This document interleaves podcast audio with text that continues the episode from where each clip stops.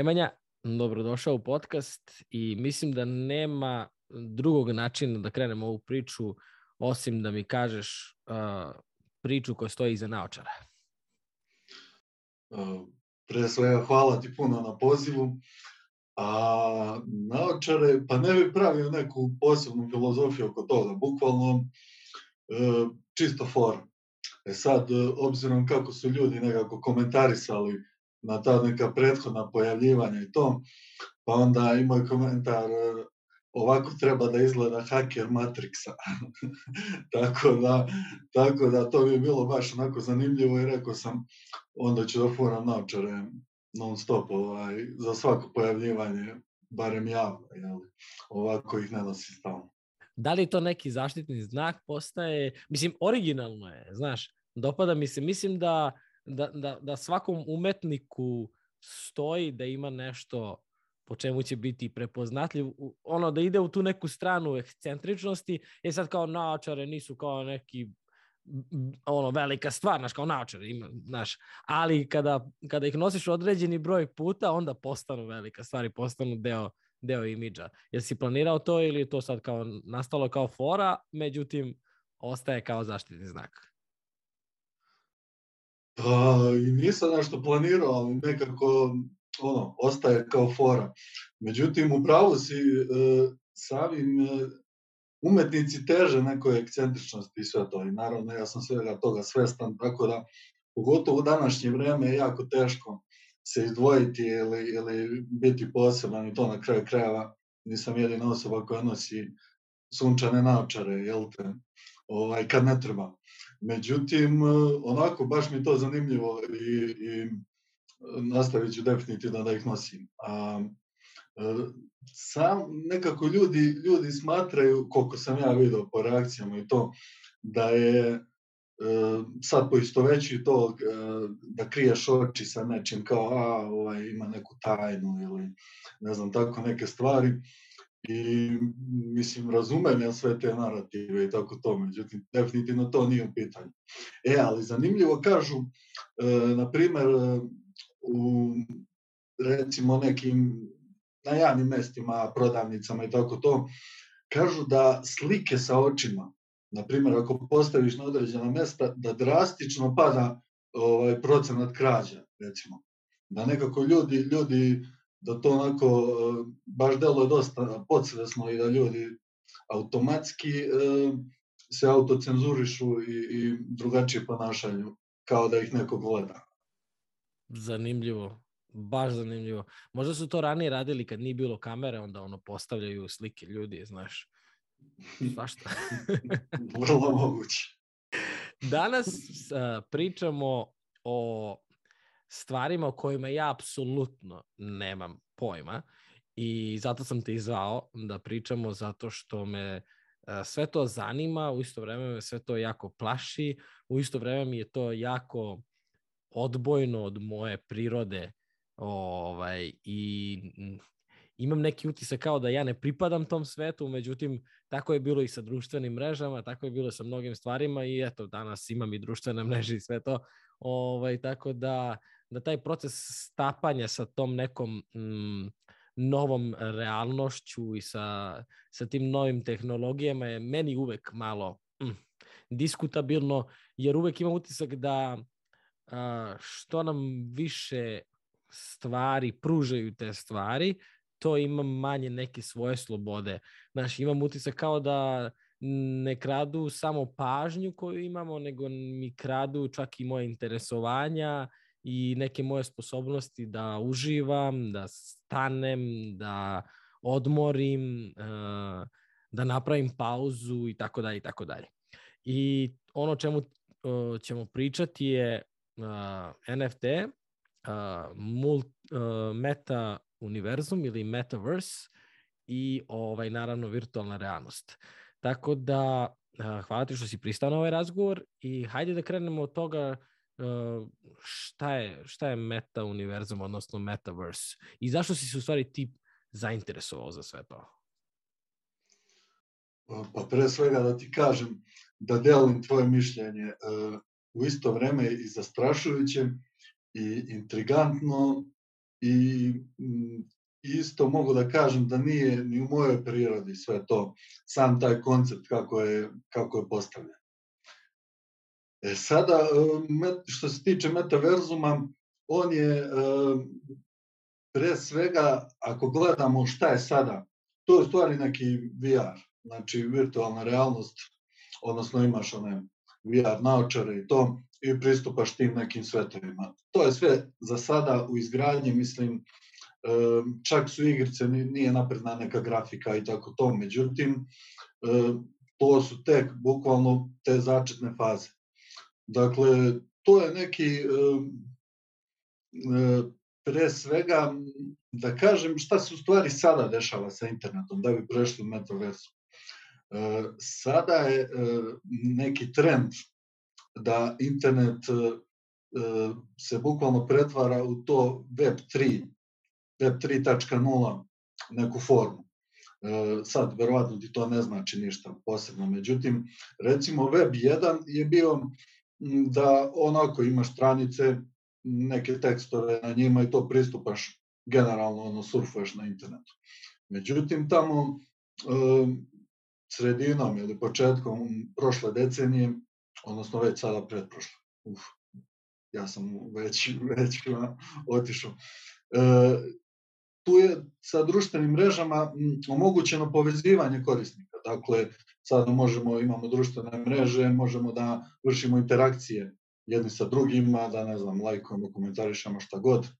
Ovaj, e sada, e, taj web 3.0 je zanimljiv zato što e, na sve to on e, nudi, da tako kažem, monetizaciju svega, odnosno daje veću autonomiju korisniku u smislu da je on vlasnik, da tako kažem, prava na svoje akcije. Sad, kad bi to malo banalizovao, Znači web 1.0 imaš znači ono kao sign in, sign up, to jest sign in naš username i password. Web 2.0 je već ono sign in with Google. Dakle, možeš da, da već imaš nalog na, na tim nekim jačim ili platformama. E, web 3.0 je u stvari sign in, ali sa svojim kripto walletom. Zašto je to zanimljivo? Pa to je zanimljivo zato što E, će to biti usko vezano, mislim već je usko vezano sa NFT-em, odnosno e, kripto novčanik, e, NFT se tu pakuju, da tako kažem. A NFT-evi će naravno biti jako povezani sa metaverzumom. Tako da metaverzum je u stvari trenutno, kao što sam rekao, neka vrsta VR-a, međutim, ono što će ultimativno da bude je e, bukvalno apsolutna virtualna realnost, ali ne nužno sa opremom. Mislim, pre ili kasnije neće više trebati naočare i tako to. Sada, recimo, imaš, ne znam, uključeno m, e, dva čula, jeli, vida, vida ovaj, sluha, međutim, to će da bude apsolutno objediniti iskustvo, odnosno iskušavanje bilo čega u digitalnoj formi. Dakle, ultimativno to će biti da se fiziološki iskušava svako iskustvo na internetu. E sada, možda sam malo bio zbunjujuć, ali Jako, jako. Ovaj, ali u dobrom smislu uh, zbunjujuć kad kažeš, mislim samo otvorio si mi mnoga pitanja sada. Ovaj, a prvo je kada kažeš na mnoga druga čula, smatraš uh, dodir, miris, uh, u kom pravcu ideš sa tim? Da, da, da, apsolutno sve. Znači, apsolutno uh, iskušavanje, znači kao, odnosno kopija bukvalno ovog fizičkog sveta, pravog sveta, po znacima navoda, naravno pravog. E, tako da u tom smislu iskušavaju. Znači, bukvalno ćemo doživljavati, e, mislim, filmovi će da budu, odnosno sve će da bude personalizovano zapravo. I sad, e, mesto, možda neće ni biti više glavnog glumca, odnosno ti si glavni glumac, jer ti e, samo, samo iskušavaš ono što je već napravljen model kako fiziološki da te nekom bombarduje. Aha, znači ovde čuješ to, ovde osjećaš to, ne znam, hladnoću, ne znam šta se dešava, udarac, apsolutno sve. Dakle, mislim, e, što se tiče tog konzumiranja sadržaja, apsolutno će biti sve na taj način. I igrice i, i na kraju to će sve da se stopi, pa neće ni biti neke velike razlike u, kao da li si gledalac, da li si, da li si u stvari učesnik, jer će sve biti nekako personalizovano. Odnosno, e, to je već sada e, taj koncept Web 3.0, da se sve nekako personalizuje prema tebi. Kaži mi koliko smo daleko od ovoga što si mi sada rekao? Realno, ono što ti, što ti misliš, naravno. E, pa, prema rečima Ray Kurzweila, na primer, izvršnog direktora Google za inženjering, to je bukvalno u pitanju decenija. Dakle, recimo 2030. i tako to. Međutim, on je malo optimista i za mnoge stvari je generalno optimista ovaj, i to je malo pretenciozno, ali definitivno mislim da ljudi gledaju na to kao neki daleki science fiction, ne znam, a to neće ja dočekati, to neće ni moja deca dočekati, to. E, ono čega nisu svesni je u stvari da ovaj tehnološki rast je zapravo eksponencijalna funkcija i bukvalno ono što, što smo nekada, što su nam trebale decenije, to danas prelazimo u smislu tehnološki napredujemo za bukvalno mesec ili dva meseca. Tako da iz tog ugla treba to posmatrati, tako da niko ne zna apsolutno neki tačan uh, tačan vremenski okvir kada će sve to da se i čak na koji način tačno da se dešava. Mislim, naravno ima i neke naznake i o tome ćemo i pričati, o tome u stvari i pričamo. Međutim, uh, postoji tu dosta, dosta struja i e, na što će konačno finalni produkt ispasti, to ćemo tek da vidimo. Na kraju krajeva postoje neke bukvalno naučne dileme i, i da li to sve može tako da se da se odradi i da se bukvalno prekopira cela ta uh, cela ta virtualna realnost, da tako kažem. Da li to može da, da na taj način ponaša u našu pravu prirodu. Nego što krenemo sa tim koja je svrha tog meta univerzuma i, i cele te ideje. Uh, sve ovo što si mi do sada rekao, mi imamo neku, uh, to je vjerojatno ljudska potreba, da sve stavljamo u jedan koš. Da li je to potencijalno dobro ili potencijalno loše. I da imamo tu dan, noć. Polarizaciju između stvari na koji način mi racionalizujemo sebi i, i objašnjavamo sebi različite pojmove. I sada kada, ne znam, pogledaš društvene mreže, na primjer, mi smo tu omanuli.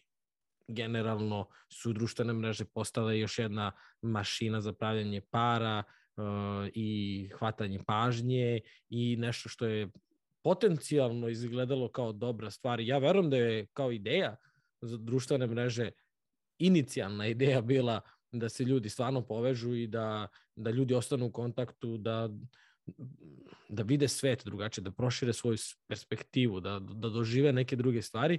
Međutim, otišli u to nekom drugom pracu gde su ljudi postali zavisni od društvenih mreža, gde su se izgubile vrednosti, gde se narušila institucija kao što je porodica, gde se izgubilo poverenje, gde smo u nekom oblaku tih društvenih mreža i je teško da može tek kada prestaneš da konzumiraš, shvatiš koliko si zapravo konzumirao. I onda to bude, uh, da li misliš da to može da nam se dogodi sa ovim? Da li misliš da ide u tom pravcu?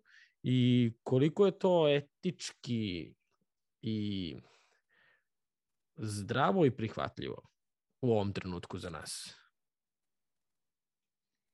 Definitivno mislim da da će to ljudskom rodu da se obije od glavu. Međutim, e, upravo si za, za to kad kažeš da ljudi nekako gledaju sve crno ili belo i to i apsolutna je činjenica da, da postoje pozitivne stvari interneta, naravno. Mislim, dostupnost informacija i sve to povezano sta na kraju krajeva. E, međutim, kada, kada nekako kada kažemo da je to sve opasno i da, da je loše, pre svega se misle na neki ultimativni ishod. Dakle, u finalnoj formi kako će to da izgleda. Vidimo, na kraju krajeva vidimo šta se dešava upravo sa društvenim mrežama, jer je ovo neka, da tako kažem, finalna forma, je tako? Ovaj, malo će to sve da se transformiše u taj metaverzum i u taj virtualni svet, ali e, ta inicijalna ideja koliko god da je bila dobra, u stvari videli smo šta na kraju nosi ljudima. E, bukvalno povećanje depresije, koliko su ljudi, na kraju e, ljudi poistovećuju sve što se dešava u tom u ovom digitalnom svetu poistovećuju sa, sa pravim iskustvima. U smislu da na uvrede gledaju kao, kao na prave uvrede, međutim, mislim, uvreda je uvreda, da me neko pogrešno ne razume. Dakle, definitivno, definitivno ne treba jeli, vređati, znači ako postoje neki etički, moralni kodeksi, ako ništa mogu da se da se prekopiraju i na, i na sve ovo što digitalno radimo. Međutim, e, sama dostupnost i mogućnost, odnosno lakoća kojom možeš nekoga da uvrediš danas na internetu, znači dovoljno je da mu otvoriš, ne znam, profil i da napišeš ovakav si, onakav si, e, jasno govori da ne treba e, nikako poistovećivati te dve stvari. E, druga stvar koja je opasna što se tiče toga, odnosno e, cenzurisati i uvoditi pravila šta sme, a šta ne sme na internetu, je da e, se dobija opravdanje da ove velike korporacije bukvalno kontrolišu određene narative i da oni da oni bukvalno određuju da imaju monopol nad time da određuju šta je prihvatljivo, a šta ne. E, jako to varira sada između, između ljudi, znači nemamo svi istu perspektivu i percepciju, a, a ono što uvek treba, mislim, za svaki tako neki bitni ili društveni problem, treba otvorena debata o tome. E sada, ako ugasimo tu slobodu govora, mislim, gde smo onda? E, naravno, postoje, postoje, svi smo svedoci nekih, nekih e, drastičnih situacija i, i nažalost, evo konkretno ova devojka što se ubila ovaj, pokoje duši, užasna, užasna baš stvar. E, I sada ljudi su nekako opet se polarizovali i stali na neku stranu, napali zašto je to tako ono. E, ono što je pravi problem u celoj toj priči i e, je u stvari edukovati ljude da, da ne shvataju uopšte te komentare bukvalno da ne shvataju ozbiljno. Jer apsolutno ta dostupnost na kraju krajeva to i nije osoba koja stoji, to je neki tamo username, jel? Milan 754 koji ti je rekao da si loš, da si ovakav, da si onakav. Mislim, Gary Vee baš lepo priča o tome, ovaj, e, što se toga tiče, on kaže, generalno on je jedan od najboljih marketera, naravno. E, on kaže da, da ga to podjednako ispunjava kao oni što mu pričaju da je najbolji, da je ovo, da, da je ono. Tako da, e, ja mislim da je to ispravan način posmatrati sve to ovaj, iz tog ugla. Da ne, bi, da ne bi došli do toga da jednostavno ako se sve cenzuriše, onda šta je u stvari? Onda je samo ko, ko kod Orvela jednoumlje je samo dozvoljeno i nema apsolutno e, nema, nema prostora za, za neko drugačije mišljenje. E sad, o, problem...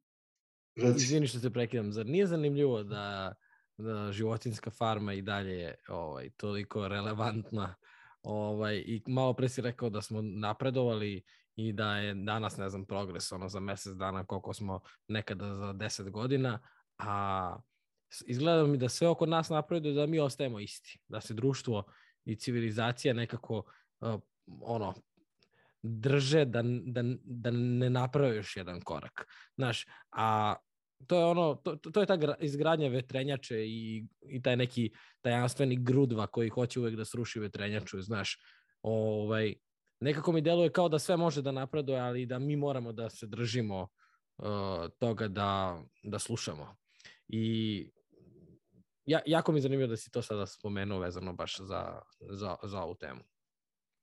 Da, mislim, Orwell je, Orwell je nekako baš aktuelan prethodnih godina. Ovaj, zanimljivo da, da ga e, razna, razna viđenja, da tako kažem, društvene to prihvataju kao, e, znaš, kao bukvalno živimo u Orvalovsko doba i sad levica i desnica i sve to, ovi jedni naravno krive druge, drugi ovaj, ove druge, međutim, e, nekako je generalno mišljenje da, da dolazimo do e, do vrha propagande u stvari, jer Orwell je upravo naglašavao o opasnostima e, tehnologije, mislim sada naravno moram i Huxley, Orwell je njegov učenik između ostalo bio, moram da pomenem, jer e, društvo u kome idemo i svet ovaj koji idemo nekako e, podsjeća na neki miks Orwella i Huxleya. Pre svega Orwell je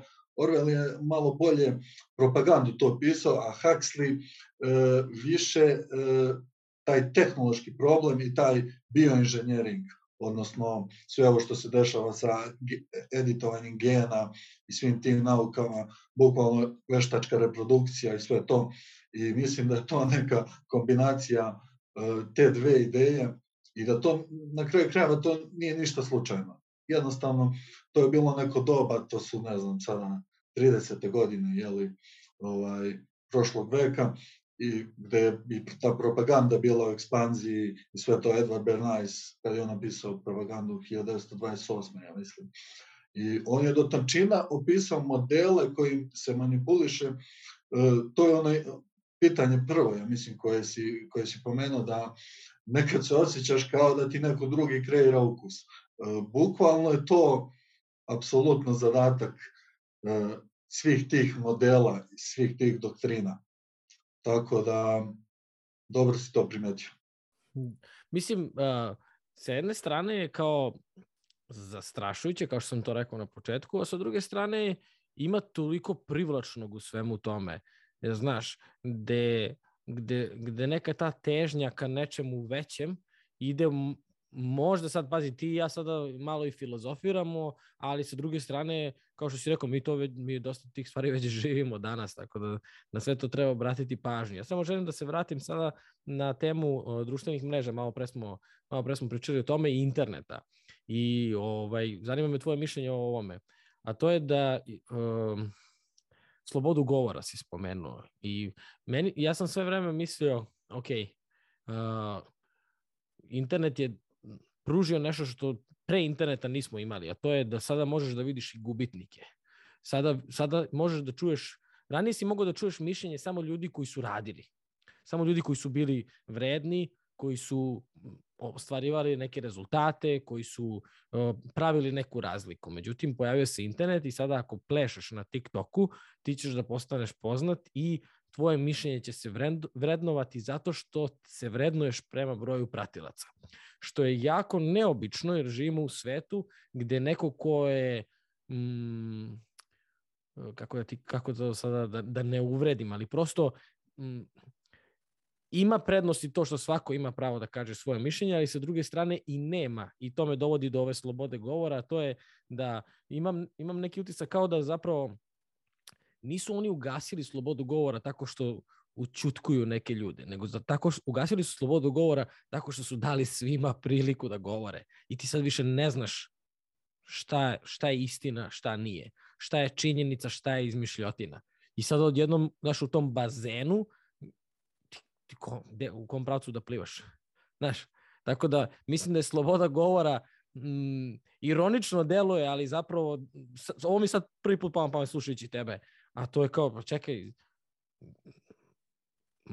ekstrem je otišao, otišao u nekom drugom pravcu, znaš, mogli smo, s, niko da nema svoje mišljenje i svi bismo se bunili jer kao, e, hoću da imam svoje mišljenje, a, oni, a sada su društvene mreže dale tu mogućnost, to je da svako ima svoje mišljenje i odjednom mi smo opet na istom nivou, to je da, znaš, jer ako, uh, ni, ako sve ima smisla, onda ništa nema smisla.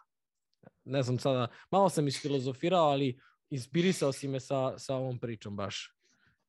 Razumeo sam, razumeo sam. Uh, uh, slažem se, osim, osim do duše uh, samo dela gde, gde kažeš da ne učutkuju baš ljude. Uh, postoje neke teme gde generalno i ne možeš da kažeš ovaj, šta misliš, ili da snosiš ovaj, posledice, naravno.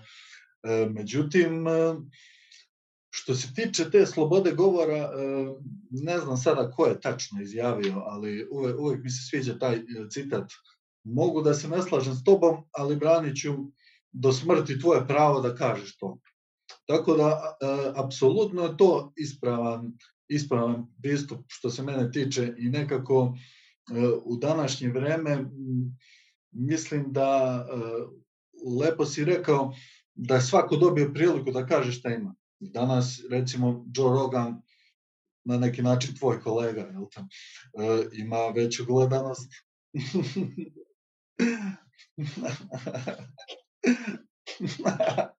Ekstra. Ovaj, on ima veću publiku nego CNN, bukvalno. Znači, bile su sada baš neki, neki ti ovaj, grafici pogledanosti, odnosno slušanosti, tako da e, što se toga tiče, e, mislim da će biti e, sve teža i teža situacija za zapravo reći svoje mišljenje. Jer jednostavno, ako, ako određena grupa ljudi ima monopol na time da određuje šta je ispravno, a šta ne. Sada, dosta, dosta stvari koje smo mi već pomenuli, neko se ne bi složio sa nama, je tako? Međutim, nekako se to tolerisalo, ali pod izgovorom da je to opasno iz ovog ili onog razloga, apsolutno sve može da se cenzuriše. I onda, e, ja sam, na primer, malo, malo što se toga tiče ekstreman stav. Ja zapravo skoro ništa ne bi cenzurisao. E, ako neko izjavljuje neke, neke užasne stvari, recimo, Meni, e, ako smo dovoljno svesno društvo, on sam treba da gubi kredibilitet samim tim što to izgovara i što jednostavno svi vide koliko to nema smisla u stvari ili koliko je to um, govor mržnje, jeli? a ne sad okarakterisati to kao govor mržnje i onda recimo cenzurisati i ne dati to da se radi. Ne, ja bih baš dozvolio sve, sve ovaj, naravno ne neke najgore uvrede, mislim, to stvarno de, de, de, što ne bi prošlo ni, ni po kakvih kriterijima, jel te ljudi baš umeju da budu ekstremni, da preteruju. Međutim, e, ta na neki način frustriranost ili neka uvreda koja se možda desi na društvenim mrežama, to je sve ljudski. Sad, da li je to dobro, da li je to ono što želimo, na naravno nije dobro, međutim, mnogo je gore ako se ugasi pravo da se, da se na kraju, ako smo svi dobri, ali dobri po znacima navoda i dobri u smislu da, da nas je neko naterao da budemo jeli, poslušni pre svega. Ovaj, da, li, da, li, da li smo onda stvarno dobri? Tako da to je, ovaj, opet filozofiramo, ali bukvalno je taj neki, neki moj pristup što se toga tiče. I e, samim tim, e, ako se omogući, ako se ništa ne cenzuriše, dakle, e, te izjave koje neko ima, apsolutno treba da određuju koliki je u stvari legitimitet te osobe. I zaista ne mislim da je to ultimativno toliko, toliko opasno. Mislim šta, on će naći 2% istomišljenika pa će se nešto povezati, pa će se, mislim, E, ljudi su generalno toliko polarizovani, toliko su zbog interneta i ovog informatičkog doba što živimo, toliko su polarizovana mišljenja da za sve ljudi nađu ovaj neke neke razmirice i tako to, mislim e, definitivno je to problem. Međutim, kako internet prelazi ta, u taj metaverzum, to će, ja mislim, da bude e, standardizovano nekim, nekim univerzalnim pravilima koje će e, po nekom mom mišljenju samo dovesti do neke povećanja kontrole i do, do, do cenzure o kojoj pričamo. Za ovo što kažeš, znaš, uh, treba, onda treba da vratimo sram, sramotu, da ponovo sramota bude nešto što postoji u društvu, jer ovaj, to je onda... To je onda preduslov zapravo da da imaš sobstvene kočnice i sobstvene filtere pre nego što kažeš ili, ili uradiš bilo šta na internetu. Znaš, tako da ovaj, slažem se za, za, za to što kažeš, ali sa druge strane, kada pogledaš društvene mreže, onda vidiš da u poslednjih nekoliko godina sve, sve što se dešava na društvenim mrežama, mislim, naš, bi bilo pre nekoliko godina neprijatno, naš. Da li danas postoje džentlmeni, da li danas postoje dame, da li danas postoje, da, verovatno da, ali u mnogo manjem broju, jer ono što se algoritmom plasira čim, čim se nakačiš, odnosno pođeš na društvenu mrežu, jeste, jeste neko glupiranje i kon, konstantno upravo to pravi, da što napraviš veću budalu od sebe, deluje mi kao da ćeš najviše, brže proći. Znaš, a ne znam da li si, da li si čuo ono za razliku TikToka u Kini i u Americi.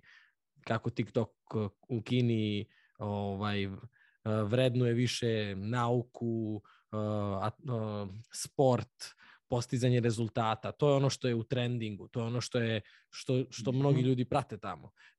A dok je potpuno suprotni algoritam ovde u Americi, to sam baš slušao kod Joe Rogana i, i čak je TikTok potpuno drugačiji, ne znam, u Teksasu nego što je u Kaliforniji. I kada, kada promeniš ovaj, kada odletiš u neku drugu državu, menjati se, menjati se taj naslovna strana i sve to, znaš. Ja, jako je zanimljivo da zapravo vidiš kako te društvene mreže polako ali sigurno usmeravaju u tom nekom pravcu i da ti ja sada pričam o tome, pa da, zapravo ne postoji sramota. Znaš. I, i, i, i tu nedostaje ne, nekih stvari. Hronološki ono što mene sad zanima, uh, znam da si dobro ispratio i ovaj, uh, sada si rekao internet 1.0, 2.0, 3.0, uh, od, odjednom pojavljuje se priča Metaverse, Facebook menja ime, menja svoj imidž. Uh, u periodu kada ne možemo nigde da putujemo, kada smo željni da ono, kada bih mogao da zatvorim oči i da budem tamo, a oni kažu evo. Kakva slučajnost? E, to, je li slučajnost ili šta? Pa, moje mišljenje je da definitivno nije slučajnost. Samo da se vratim na prethodnu temu, ovaj, odlično si to rekao za različiti, različit algoritam.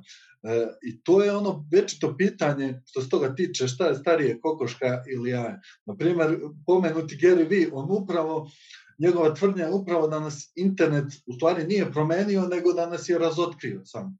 U smislu kao to smo mi, pa kao eve, zašto gledate taj sadržaj? Međutim, definitivno se ne slažem sa tim, jer, jer sam si rekao, bukvalno algoritam e, može, može da, da usmerava šta žele ljudi da gledaju, to jest šta je u trendingu, šta, šta dobija više lajkova, samim tim da gura taj sadržaj i da to plasira. Dakle, jako, jako je to interesantna stvar i definitivno ima veze. E sad, E, samo, uh, izvini što te prekidam, to je samo kad pogledaš prvi put kada si vidio da neko igra onako i da se, da se glupira, ti si pomislio, au, brate, šta radiš? Šta radiš to od sebe? Danas ti je to normalno. Danas si možda i ti snimio taj video. Da, da, da. I kao, čekaj, pa pre, pre tri meseca ti to nije bilo normalno. Pre tri meseca bi, ti ne bi bilo okej okay da se eksponiraš. Zamisli sad da smo ti ja sad u 2013. i ti ja kažem, je, slušaj, snimamo ti i ja dolazim kod tebe, snimamo kako plešemo, a izlaze slova i, i ti ja, jo, znaš, ti bi mi rekao, brate, ne možemo to da radimo, treba sutra da izađemo u, u, u grad, videće nas neko. Znaš, danas ti plešeš da bi te neko video sutra u gradu. Ti hoćeš da, da te po tome... Uh. Apsolutno. Znaš, izvini, nastavi samo. O, ništa, samo sam to hteo da se, da se osvrne na prethodnu temu. A ovo što si me pitao da li je slučajno, pa e, da pokušamo da, da, da pokušam da nekako skratim priču i da konkretizujem. E, Ono što je definitivno, evo, po rečima Elon Musk čak, da je poslednji posao koji, koji će preostati je programiranje veštačke inteligencije. Dakle, apsolutno će se sve automatizovati. Sad neko priča, pa ne znam ja, mesim hleb, kako će to da se, pa ne, ti ćeš da budeš programer. Znači, sešćeš, pritisnećeš dugme, toliko brašna, toliko ovo, toliko ono i bukvalno na kraj krava to može i veštačka inteligencija da radi, ali recimo ultimativno ne postoji više nijedan posao. Dakle, apsolutno će sve biti automatizovano. I toga smo svedoci, naravno. E sad ljudi govore, pa tako su pričali i za parnu mašinu, i za ovo, i za ono, pa nekako uvek se nađu neki novi poslovi. Da, ali ovo je bukvalno veštačka inteligencija koja će bukvalno da preuzme apsolutno svaku radnju koja je potrebna. I to vidimo na kraju krajeva, to se apsolutno dešava sa svim ovim zatvoreni smo u kuće, radi od kuće, prelazi to i e, pogotovo će da budu ti novi poslovi u metaverzu.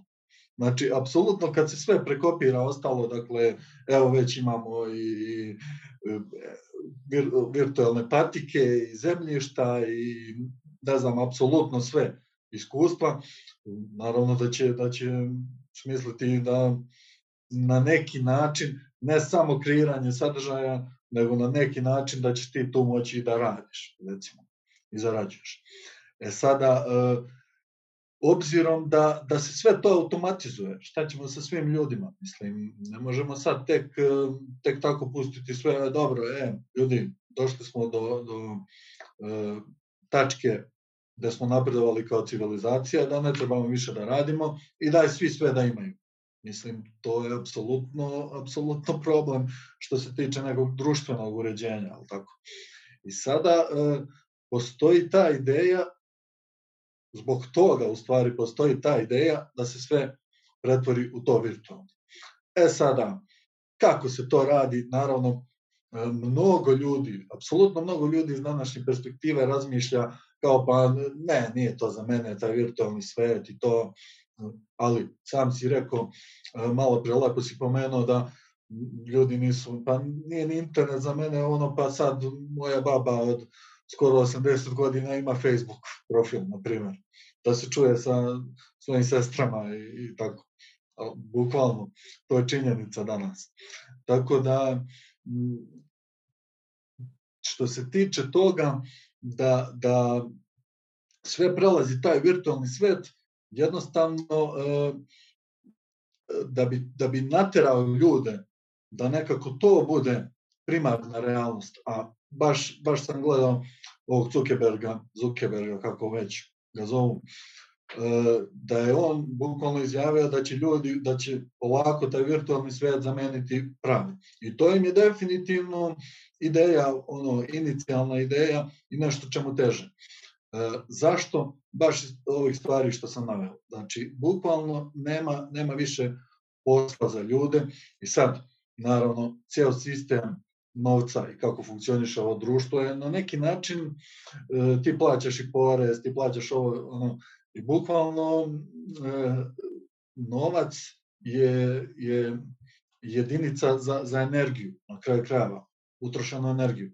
Sad, naravno, nesrazmerno i daleko od idealnog, ali na neki način može tako da se gleda. E, mislim, imaju tu sad e, razne neke, neke stvari. Michael Tellinger, na primjer, priča da, da ljudi treba da rade, da, da rade bukvalno 4 sata nedeljno i da bi apsolutno imali sve. Znači, trećinu da im ostane, bukvalno, e, resurs. Recimo, kad bi svako radio i kad ne bi bilo ne znam, banaka i svih tih sistema. Međutim, to je neka druga priča, nećemo na to, ali ovaj, da se vratim, da se vratim na, na to uređenje. E, dakle, za to mora, mora da se standardizuje pre svega valuta koja će da bude univerzalna. I dosta ima priča o, o toj univerzalnoj valuti, mislim, e, kao neko priča o kripto, ono, na kraju će sve to da se, da se u tom metaverzumu, baš zbog toga će se izuzetno potruditi i bit će naglasak na tome da, da to bude univerzalno. Na kraju krajeva i ovi svi svetovi nekako se razvijaju pod tim jednim imenom metaverzum. E sad da objasnim uh, gledalcima, dakle imamo više tih univerzuma koje naravno uh, razne kompanije razvijaju sad, ne znam, za ta virtualna zemljišta e, postoji Sandbox, je recimo najpoznatiji Decentraland, takođe, znači ta dva imaju primat u tome i e, po, svi će oni nekako biti standardizovani i sinhronizovani. Dakle, moći ćeš da prelaziš iz jednog u drugo i to i nema sumnje da će se postarati da bude, da bude i univerzalna valuta tu. E, kako, kako doći do te univerzalne valute, mislim, u današnjem multipolarnom svetu. Pa mislim, definitivno postoje razni načini kako jedan je, jedan je svedoci smo da, da se keš sve manje i manje koristi. Sad, da ne pominjemo zbog kojih narativa, koji neki imaju smisla, neki nemaju, ali e, definitivno da je trend da sve se to digitalizuje tako to. Međutim, ako slušamo sada o, već zalazimo u neki e, teren gde to mogu, može zvučati kao neke teorije zavere, pa ću biti izuzetno oprezan ovde i citirati određene ljude koji su najuticajniji ili ovaj, na kreiranje svega toga, pa svako, svako nek odredi da li to ima smisla ili ne. Mislim, Klaus Schwab, uh, glavni za, za svetski ekonomski forum, znamo šta kažu, 2030. godina je, uh, ne posjeduješ ništa i srećan si, kao svi su, svi su srećni. Kao nemaš privatnosti, da, to je izuzetno isto bitan taj korak ovaj, koji, koji ima veze sa nekim prethodnim temama koje smo pomenuli. I e, tako da te neke stvari koje se i verovatno će to da bude povezano na neki način kroz mislim utrošak energije. Jer je energija veliki problem za, za uh, trenutno ili bar, bar se prikazuje kao veliki problem to definitivno, mislim, Tesla kaže da ima energije jeli, za, da ne može da se potroši, tako ovaj, zavisi iz koje perspektive se gleda. Međutim, iz njihove te perspektive, to jest zvaničnog narativa i zvaničnih tih institucija globalnih, e, definitivno je problem sa energijom, je tako? I sada nekako sve, će, sve se to lomi preko leđa običnih ljudi. Je tako? A mislim da su obični ljudi zapravo najmanje krivi za, za, za ne znam, neke te probleme, probleme energetske i tako to. E, zna se ko najviše zagađuje okolinu, mislim, ogromne korporacije, Big Tech, tako, sve to. Zna se, zna se ko najviše troši energetskih resursa zemlje, mislim, čekaj, možemo da idemo na Mars, da lansiramo sve to, a problem je, ne znam, problem je sa energijom obične ljudi, ili, ili sad mi što, što ovaj, punimo telefon i čujemo se ovaj, ovako. Tako da, e, izuzetno e, je slojevit taj problem, međutim, ono što, što je definitivno i što je poenta ove priče, da se te, sve to sliva nekako e, usmeravajući te ka tom virtualnom svetu. Dakle, svi ovi društveni problemi i klimatske promene i nedostatak energije i neke društvene podele, znači svedoci smo ogromnih problema u u Americi, mislim, ra, rasnih, rasnih problema, tako. Imamo sada rodnih, e, što se tiče seksualnosti, tu je polarizacija određena oko te oko e, polova i naravno rodne ravnopravnosti i svega toga. Tako da e, nekako sve, e, sve se sliva u to da je rešenje zapravo virtualni svet gde možeš da radiš šta hoćeš, sve to, ali e, budi, budi, e, budi jednostavno primjeran građanin u ovom pravom svetu. A šta to zapravo podrazumeva? Pa da slušaš sve. I sada, to je usko povezano sa e, socijalnim skorom, da tako prevedem na naš. Mislim, to već postoji u Kini i ti modeli, pa ne možeš ne znam, ako si, ako si ne znam, galamiš na ulici, možda da dobiješ negativne pojene. Ako radiš društveno neprihvatljive stvari, e, često možeš da budeš, da dobiješ restrikcije da ne možeš da uđeš u avion ili bioskop ili šta god. E, I sada to se prenosi i na potomstvo i tako neke stvari, pa onda će ti doći sin i reći je, ćao, šta to, šta to izigravaš, kao neće moći da upišem fakultet i tako te neke stvari. Dakle, e, da ne idemo u neke teorije zavere, ali definitivno, definitivno se pravi teren da ljudi, da ljudi polako utenu u taj virtualni svet i naravno, mislim, sales pitch je fenomenalan, iskušava i otkrovenje, ne znam, bez trošenja nekih resursa, mislim, to će sve to će sve da bude na neki način kroz taj univerzalni osnovni dohodak, universal basic income. Znači, svi će dobijati neke kredite i onda trošiš tamo. I sad, kao odeš na Bahame, leškariš, ovi te, ne znam, donose ti koktele, ti ga kao popiješ, u stvari, ono, bum, u mozgu ta reakcija i ti stvarno osjećaš kao da si popio i sve to iskušavaš. Međutim, vraćamo se na čuveno pitanje, da li je to u stvari dobro za čoveka i kad se isključi toga pa pogleda okolo, a nema ništa više, no, samo, samo, i ne treba mu više ništa, samo četiri zida, ali tako, ovaj, tako da to baš zvuči nekako distopijski i strašno. Šta misliš, ko će biti prvi ljudi koji, odnosno ko su već sada ti ljudi koji su uh, stanovnici metaverzuma, ovaj, I pošto ja to vidim ovde neki influenceri o, na Instagramu, youtuberi, oni ono pozivaju ljude i tako dalje. Znaš, ono, vidim da, je to, da su oni promoteri toga, ono, znaš, ono što su, ovaj, da li misliš da su oni svesni ozbiljnosti svega toga ili ovaj, misliš da im je naloženo da to rade ili ovaj, misliš da je samo samo predstavljeno kao cool, pa hajde im ako prođe taj trend zaradit ćemo još dodatno para ovaj, i svega toga.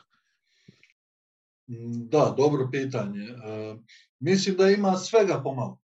Dakle, i e, određeni ljudi imaju definitivno određenu korist. Recimo, ali takođe neki smatraju da je to cool, pa onda uskaču na trendove. Na kraju krajeva, da budemo potpuno iskreni, obzirom da je to sve novo, e, postoji ogromna šansa da se nešto uradi u svemu tomu. Tako? I to je bukvalno za početak te virtualne ere, ma da, može, možemo da vršimo debatu da li smo već u njoj, ali e, bukvalno tog virtualnog sveta i sada e, ljudi vide priliku, na primjer, ko sada poče da pravi sadržaj za metaverzum, recimo, evo, od ljudi ko, ko, koji nas slušaju, znači nabaviš opremu, kreneš da, da praviš sadržaj u vezi toga, da igraš neke igrice metaverse, to je apsolutno ono što se kaže livada, znači otvaram prostor jer e, i dalje to ljudi ne rade i, i e, definitivno je čak i na neki način biznis prilika. E, Šta znači praviti sadržaj? Ne mogu čak ni da zamislim sliku. Šta kad kažeš praviti sadržaj, šta radiš? To? E, pa recimo, bukvalno igrati igrati u tom VR-u. Bukvalno igrati, naravno sad imaš ovaj snimaš recimo, podeliš ekran, snimaš sebe kako dok to radiš i snimaš vamo ekran šta se u stvari dešava u tom. Mislim, nije najzabavnije i e, ne, ne znam na koji način možda može da se napravi m, čak VR, da, da neko ko ima VR uzme to, pa da, da verovatno će, mislim, na tome se radi, to se sve razvija i to je sve ovaj, u ekspanziji, tako da definitivno ako nema sad, vrlo brzo će postojati taj način da ti, ovaj, mislim kao ne znam, Warcraft pre 20 godina, pa neko odigra, ima ono save replay i sad pustiš i gledaš kao, kako je igrao. Mislim, ovo će samo da bude ovaj, sa VR ovim headsetom. E, a što si... Da li je, ako sam te dobro razumeo, onda VR uh, i Metaverse povezan sa gamingom? Da li je to neka osnovna poenta toga, jer me, me, ono što, rekao sam ti, ono prva rečenica je bilo da stvarno nemam pojma o svemu tome. Ono što meni deluje kao, da li je to neka vrsta, ono, kao onaj GTA koji smo sve igrali, gde si ti kao imaš nekog lika kog gradiš i provlačiš ga kroz neku priču i samo što je ovo sad kao na tom nekom drugačijem nivou, opet kažem ti meni nejasnom, ali ovaj stvarno ne, ja ne mogu da zamislim, ne mogu da vidim poentu svega toga. Samo delimično. Delimično gamingom. Naravno, gaming industrija je uh, vrlo jaka, li, bitna. Ima, ima samim tim što ima puno korisnika, ima puno pažnje, dakle, dakle bitna je. Međutim, uh, to će da bude apsolutno i sve ostalo. A sad, kako, kako percipirati to sve ostalo. Na primjer, evo, ja sam probao, naravno, ovaj, imam i taj VR headset i bukvalno meni ti je, znači, u kući si neka vila na obali mora i ti sad se tu krećeš, ovaj, tu su slike na zidovima, tu je ono, pogledaš tamo okean, kao, mislim, fenomenalan pogled, znači to je meni. Sad imaš opcije da, da skačeš i tačno vidiš putanju dokle ćeš da se teleportuješ, znači, bukvalno ono Matrix, sad ko se izvešti može da, da putuje kroz vreme, da tako kažem, u tom metaverzumu.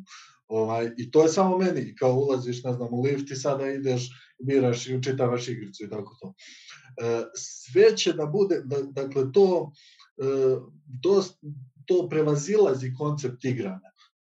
Bukvalno će da budu e, sada, pa mislim, ovaj, Zuckerberg, ovaj, već, već promoviše naravno te mitinge i tako to. Znači, bukvalno svi stave VR i onda kao su tu jedni po drugi, stvarno ono, gledaš okolo i tako to. Naravno, grafika će da bude sve bolje i bolje. Pre svega, e, e, samim razvijanjem ovih tehnologija, mislim, e, evo imamo sada ovaj, 5G, bit će 6G, 7G, sve brže i brže. Ovaj, Ray Kurzweil priča da ćemo milionima puta imati brže u roku od 15 godina, da ćemo imati brži transfer podataka.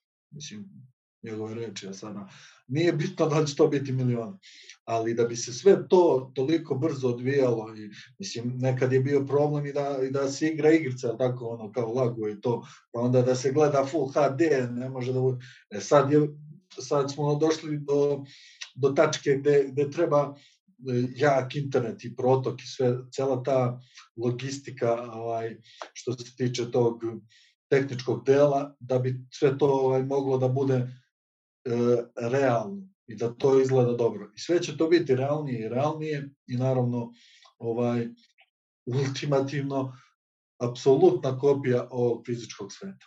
E sad, šta ćemo sa tim posle, to je neka druga priča. Seti se samo onog floppy diska i memorije i sada ono silnih da, te, da. terabajta. Ovaj, tako da verujem to za internet, za brzinu da će da bude jako uh, da će nam biti smešna ova sada brzina uskoro.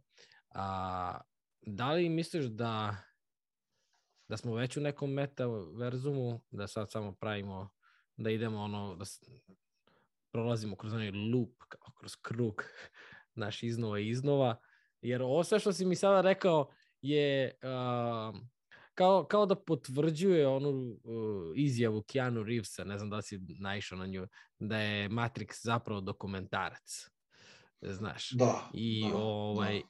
I tu se onda stavlja onako prst na čelo, mada ja mislim treba stavimo celu ruku na čelo i da, i da krenemo ozbiljno da razmišljamo šta se, šta se dešava. Znaš. Sad si me, sad si me zateko, pitao si me pitanje, mislim, ono, od, od milion dolara, što se kaže. Ali e, sve ukazuje da je tako. Sve, apsolutno sve ukazuje i generalno e, nauka koja je u ekspanziji sada, to jest svi fenomeni na koje nemamo odgovor.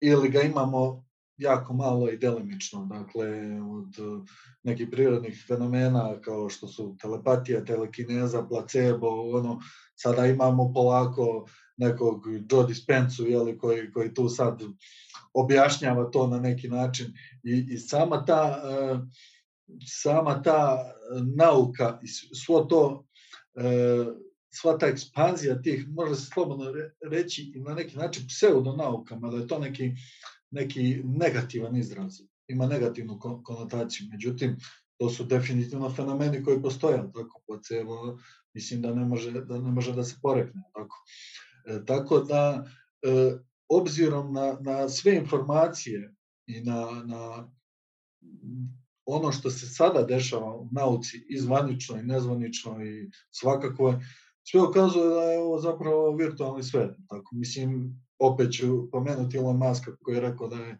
šansa jedan prema, sad je rekao neke milione, milijarde, e, e, da ne živimo u simulaciji, mislim, virtualnom svetu. Gde je gradivna jedinica u stvari informacija. E sada, e, to, to je u stvari ono, ultimativno pitanje. Gde smo mi, šta smo mi, ko je čovek, mislim, e, i pre svega koja je prava priroda realnosti. E sad, e, zvanična nauka kaže da je sve slučajno.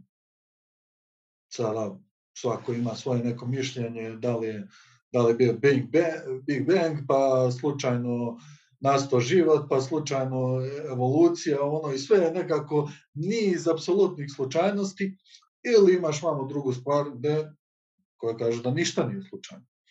Tako da, vamo imaš zvaničan narativ je da, da e, materija e, generiše sve ostalo i svest to, nekome to možda ima smisla, da sve kreće od najsitnije čestice, znači kauzalnost od dna ka vrhu od najsitnijeg do najvećeg. Međutim, šta je najsitnije?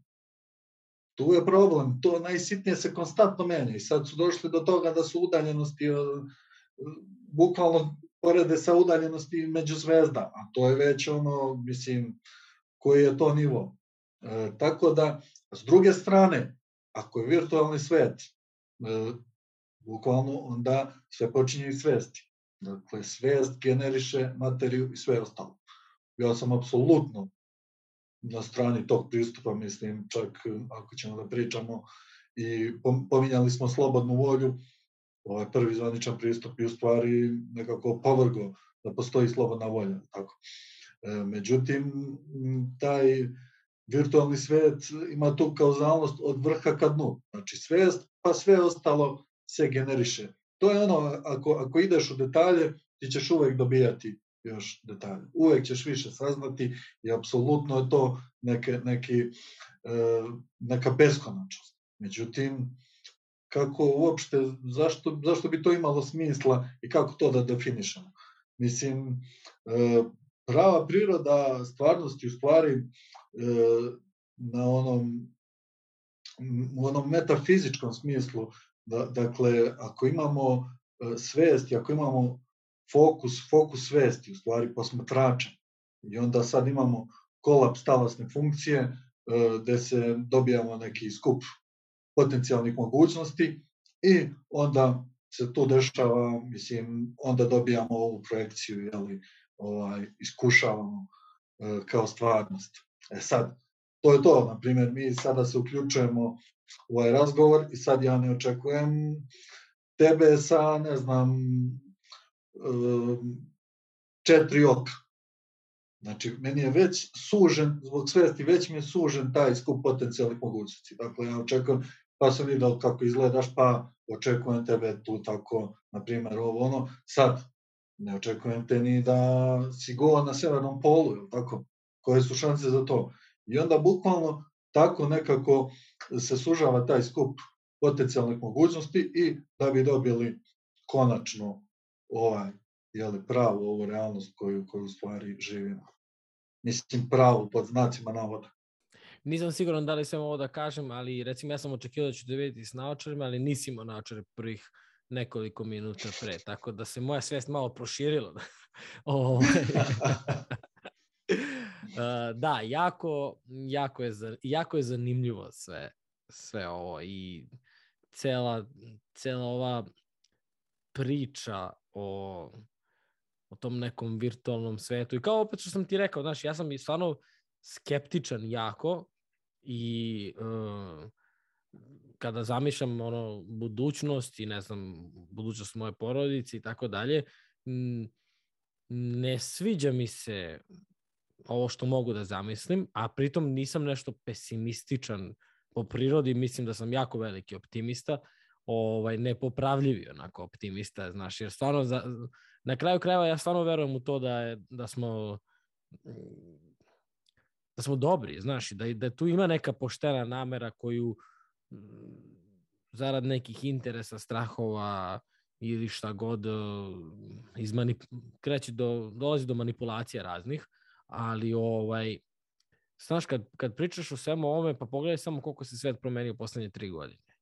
Znaš, pogledaj samo koliko brzo prolaze godine. Koliko brže vreme ide. Ne znam da li je zato što sam sada uh, stariji, pa, znaš, ono, sam upoznat sa raznim stvarima, pa zbog toga što su mi stvari poznate, znaš, ono, kad si dete, ono, sve ti je novo, sve učiš i, i vreme kao da stoji, ono, znaš, ništa se ne pomera, svaki, svaki pogled ti je neka nova informacija koju mozak obrađuje, plasira i kaže, ok, ovo nam je sad poznato, pa idemo dalje, znaš. Ne znam da li kao sad da sam se navikao na tu neku kolotečinu i rutinu u kojoj sam, ali mnogo mi brže vreme ide nego pre, pre pet godina, znaš.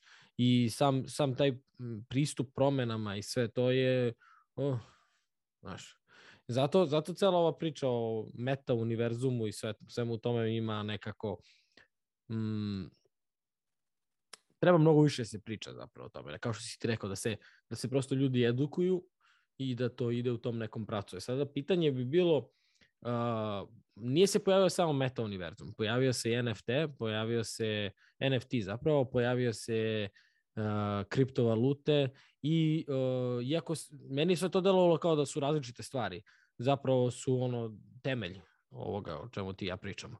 Šta je NFT? Najjednostavnija moguća definicija NFT-a. Pa NFT e, znači non-fungible token, znači u prevodu neizmenjivi token. E sad, to ljudima prepostavljam da ništa ne znači. To je ono kao, e, ja to volim da uporedim sa MP3-em. Znači, to je PEG Audio 3, je tako? Ali i to ne znači ljudima, je tako? Međutim, ta MP3 je donao revoluciju u način kako konzumiramo, jako je olakšao kako konzumiramo stvari audio sadržaj e, u svoje vreme, naravno. E, I sada, e, to je neka slična priča u smislu da će ovo e, promeniti način kako, kako monetizujemo u stvari bilo koji digitalni sadržaj na internetu. Dakle, NFT je neizmenjivi token, to u prevodu znači da, da kada se kupi NFT, recimo neke slike, ti kupuješ e, sertifikat autentičnosti na tu sliku i ona se vezuje za kriptovolet, odnosno kriptonovčanik. I u suštini to je sva filozofija. Dakle, neizmenjivost, taj uh, fungibility u smislu da, ne znam, ako imamo jednu istu novčanicu, mi možemo da se zamenimo, to i dalje ista vrednost, tako? Međutim, e, to nije slučaj sa NFT-om, jer je on neizmenjiv. Dakle, svaki, svaki NFT je autentičan, mora biti autentičan. E sada, postoje, postoje e, više kopija, recimo, neko može da prodaje više kopije jedne slike. Neograničeno kopija zapravo. Može da stavi prodaje milion kopija i da svako ima to. Međutim, e, tu, je već, tu već dolazi e, na scenu u stvari ekonomija i kao da li to u stvari isplativo. Znači sve može da se, da se proda, na primjer ja sad slikam se sa ovom čašom, stavim na internet, ukoliko postoji interes da neko to kupi, ja to mogu da prodam tu sliku. E sada, zašto bi to neko kupio? I to je ultimativno pitanje, zašto nekome treba NFT? Mislim, raz, apsolutno razumem to. E, kao pa svi imamo tu sliku desni klik, save i svi možemo da budemo vlasnici. Da, ali kad odeš u Louvre, slikaš se sa Monalizom, ti imaš sliku, ali i dalje, i dalje Monaliza nije tvoja. E, taj neki način je mm, i sa NFT-em, dakle, može svako da posjeduje tu sliku, i kao ono, screenshot i to, pa se ljudi šalaju, kao ljudi daju milione za nešto što za sekundu i ja imam. Ovaj. Ali taj sertifikat autentičnosti na kraju posjeduje samo ta jedna osoba. I sad, obzirom da je ovo sve novo, recimo sa tim NFT-em u poslednjih dve godine, recimo tako, je to baš boom i u ekspanziji, e, te kolekcije koje su sada koje su sada najaktuelnije, ne znam, oni Bored Ape, Majmuni, CryptoPunks i tako to, pa možda sutra bukvalno to bude na neki način, to i jeste kultno, obzirom kako će se transformisati, kako e, sve ukazuje da će se transformisati ovaj svet e, i gde ćemo preći u taj metaverzu. Dakle, to može sutra biti nova analiza ili tako nešto. I Da, e, sada, e, slično, ja slično razmišljam. Mislim, e, zanimljiva je simbolika što su baš majmuni naj, najpoznatija kolekcija i najpopularnija. Nekako kao samo majmun može da da 250.000, sad je floor price, ja mislim, to je kao ono naj, najmanja cena za koju može da se kupi taj Bored Ape. Mislim da je 250.000 dolara. Da bi, da bi e, ne znam, ali, ali nešto malo, tipa, ne znam, možda ako je, sad da ne lupa 500 dolara, nije sigurno više od 5000, prilično sam siguran. Znači, ja e, kupim ako sam te razumeo. Ja sad odem, nađem neki NFT koji je sada jeftin, na primjer, 500 dolara. I za godinu dana se taj NFT poveća i bude 250.000 dolara. Da li to znači da sam ja zaradio 249.500 dolara ako ga prodam? Da li ja uopšte mogu da ga prodam? I ko određuje tu cenu? I zašto te slike, kao što sad si mi rekao, kao ja imam taj sertifikat, koga briga za taj sertifikat ikada u životu? Koja je, to, koja je vrednost NFT-a? Tom, tom, taj deo mi je zbunjujuć, jer kao, kao što si sad rekao, mogu da se slikam, postoje oni unsplash sajtovi gde imaš ono fotke gde kačeš, ali te fotke ne koštaju 250.000. Znaš, šta, da, se tu, da. šta se tu desilo? E, pa nekako NFT je pravi način da se u stvari monetizuje pažnja. Onako da malo banalizujem i da pojasnim ono normalnim rečikom. Dakle, e, e, onoliko nešto vredi koliko neko spreman da da par za to. I to je apsolutno. E sada, ako, ako ja napravim 100 slika sa različitim čašama ovako i sad neko daje desetine hiljada ili stotine hiljada ili milione za to, automatski diže tu cenu. Mislim, zašto bi neko uopšte dao to? Ako ima mnogo pažnje na mene. Recimo, ako, ako e, definitivno je taj projekat, recimo sa majmunima, mnoge poznate ličnosti su u stvari kupile te NFT, ne znam, u NBA i košarkaši, pa sad ima i Steph Curry, ima i ovaj, onaj, znači, apsolutno svi, pa sad je bukvalno reperi, oni, pa prestiž da se kupi to, pa se stavi kao na avatar i to, da ne pričam da je Twitter uveo i opciju da možeš da staviš kao da, da bukvalno NFT da integrišeš kao profilnu sliku i ima posebna oznaka čak na Twitteru za to. Vidio sam da OnlyFans isto, isto, ovaj, isto uvodi da može ovaj, NFT da se okači. Dakle, e, sve se svodi na to da li, da li će to u stvari e, koliko je neko spreman da plati zapravo sve to. I kako je došlo do toga? Mislim, ljudima je nesvatljivo da ode, ne znam, onaj mozaik od ovih od ovih digitalnih radova bipla nekog umetnika. Recimo, na Kristis aukciji nepunih 70 miliona je dostigla cifra. I sad kao, pa zašto bi neko dao 70 miliona dolara za digitalnu sličicu? Bukvalno nema logike.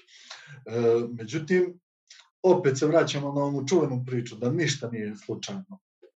Da se sve dešava onako, jeli, kako neko želi, kako igra poteze i šah. Tako da e, radovi tog umetnika, Bipla, tog digitalnog umetnika, oni su na početku bili 50 dolara. Bukvalno ko je kupio, sada ja mislim to sve može da se proda za 400.000 recimo. Tako to. Ovaj, međutim, postoji priča da je on sa ovim Vitalikom ili kako se već zove, ovaj, e, tvorac Ethereuma, da su oni u stvari u talu i da su smislili namerno, mislim, e, poenta i kako sve i kripto funkcioniše, tako? Znači mora da se stvori ekonomija, prava ekonomija, da što više ljudi trguje. I sad možemo da napravimo, ne znam, ti i ja, našu novčanicu i našu valutu. To ili ne vredi ništa, ili kad bi ceo sve počeo da koristi, to vredi sve. Onda, je tako? Ako ima monopol na time, pa mi što smo napravili, mi onda možemo da je štampamo do sutra. Tako je slično i sa Ethereum, mislim, slično da malo ja banalizujem naravno, ali oni su, oni su svesno iskoristili pažnju, jer on ima, ne znam, mnogo pratilaca na društvenim mrežama, iskoristili tu pažnju da, e, da e, skrenu dovoljno pažnje na sve te NFT platforme ovaj, i da ljudi u stvari vide namerno, ja mislim da je to bukvalno namerno, su pumpane cene i kao, e sad, ajde da mu otkupimo za 10.000. I čekaj, ti si nešto kupio za 50, prodaš za 10 ili, za, ili ima mnogo drastičnih primjera za milion. Mislim, ljudi su, ljudima je bukvalno, određenom broju ljudi je bukvalno menjan život ono preko noći, kao vidiš neko iz fore stavi milion, lik je uradio kao dizajn kao, laž, kao Banksy, ali lažni, ono, digitalni dizajn kao Banksy, nešto ono, prodato za 900 nešto hiljada dolara. I znači, bukvalno, promenio, promenio mu se život iz korena e, i, i to, je, to, to su priče koje u stvari generišu tu pažnju da bi svi skočili na taj voz i da bi krenuli da se priča o tome. E sada, e, ljude verovatno interesuje kako mi da zaradimo, kako to sve, ovaj, kako ja da krenem to, da se zainteresujem, šta da radim, koji je ispravan put. E, ono što je najbitnije je u stvari ko stoji za tog projekta. Jer, opet smo rekli, pažnja generiše vrednost nečega, dakle mora da se, da se uradi e, istraživanje ko u stvari stoji za projekta, koji je budžet projekta, ko je ono, jer postoje, mislim, ljudi su kupovali, ne znam, lažne pogreš, pogreše, bukvalno kupe lažnog majmuna i daju, i daju neke, neke ogromne pare, bukvalno koje ono, kao i posle vidi da to u stvari ne vredi ništa. Mnogo toga neće vrediti u budućnosti. Mnogo toga. Dakle, ljudi treba prvo da budu svesni toga i da ne troše više od 5-10% budžeta koje, koje bi investirali recimo u neke biznise. To. Znači sada je sasvim suludo da se kaže aha ovo će vredeti i kao sad ću da dam ne znam za majmuna, meni je sulude, ja ne bi dao ni, pored sveg hajpa, pored svega ovoga što znamo, ja ne bi dao 250.000 za majmuna i da ima milion da trošim na takve neke stvari. Sada, možda neko bi, možda to bude mnogostruko vredalo više, međutim to je sve kockanje, apsolutno može da se igra i ove, igra na sreću ili nešto tako, ako je već ljudima do toga. Ono što je, što je dobro je da ako se stvarno to prati, ako se uđe u celu tu priču, i, ovaj, i naravno networking je bitan kao i svemu, da za male pare mogu da se, da se u toj početnoj fazi e, e, bukvalno kupe neki, neki dobri projekti i sada da, da to neka stvarno vredi.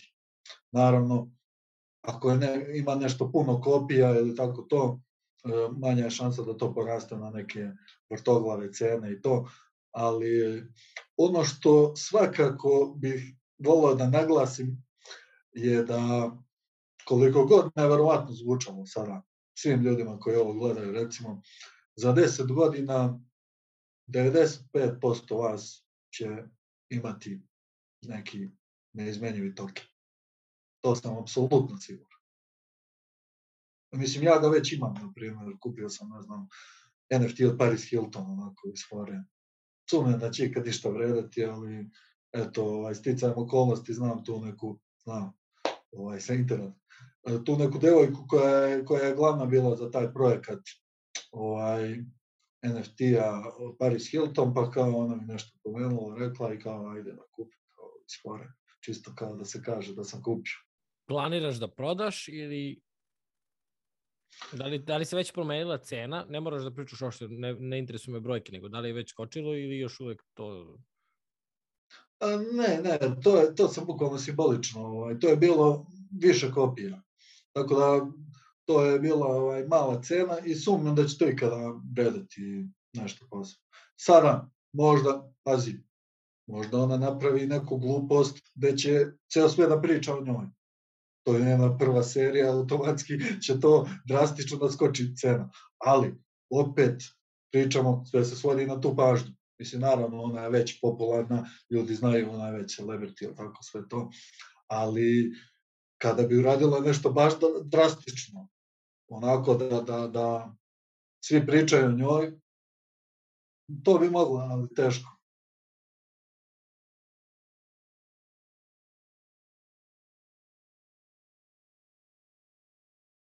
E, da, jednostavno sve može da bude NFT. Znači svaku sliku, evo, ljudi, ljudi su nekako uh, mislili da je, da je i sa pravom delimično, da je fotografisanje u stvari da su fotografije nekako izum, da izumiru jednostavno ta vrsta ovaj, sadržaja da, kao monetizovanje to. Da je jako teško, imaju naravno platforme kod kupljuju slike gde možeš da kupiš slike. Međutim, e, sada je u ekspanziji to da fotografi u stvari prodaju svoje slike kao NFT. I apsolutno sve može da bude NFT. E, ovaj razgovor, naš podcast može da bude kao NFT. Čak je YouTube najavio da će moći da se monetizuju videi kao NFT. Isto je Meta ovaj, najavila, odnosno Facebook, Instagram, i to je, bliži, bliži se vreme da će to sve biti kao normalno, da će to zaživeti jednostavno i da ljudi neće više razmišljati u, smislu šta je to, kao šta ja kupujem u stvari, nego bukvalno će znati, znati sve šta je o tome i da će naravno to još više povećati broj transakcija. Inače se vrte ogromne pare u NFT svetu. Tako da, e, što se tiče mene, da, ja sve ove digitalne radove koje pravim na Instagramu, ovaj, e, planiram da, da odradim kao kolekciju. Ima već neki pojedinačnih NFT-a koji se prodaju, ali kao kolekciju i da to izbacim onda, pa ću videti ovaj, Međutim, ono što je najbitnije, opet naglašavam, dakle, koju vrednost nudi ta kolekcija da se to posadi. Zašto je to bitno? majmuni su, ne znam, imaju poznate ličnosti i svuda se pominju apsolutni ovaj, trend da se to ima neko, neko, je pozna, neko je poznata ličnost, neko, neko možda, možda vidiš da se trudi neko jako i kažeš, e, pa na ovoga ću da se kladim, da će da uspe.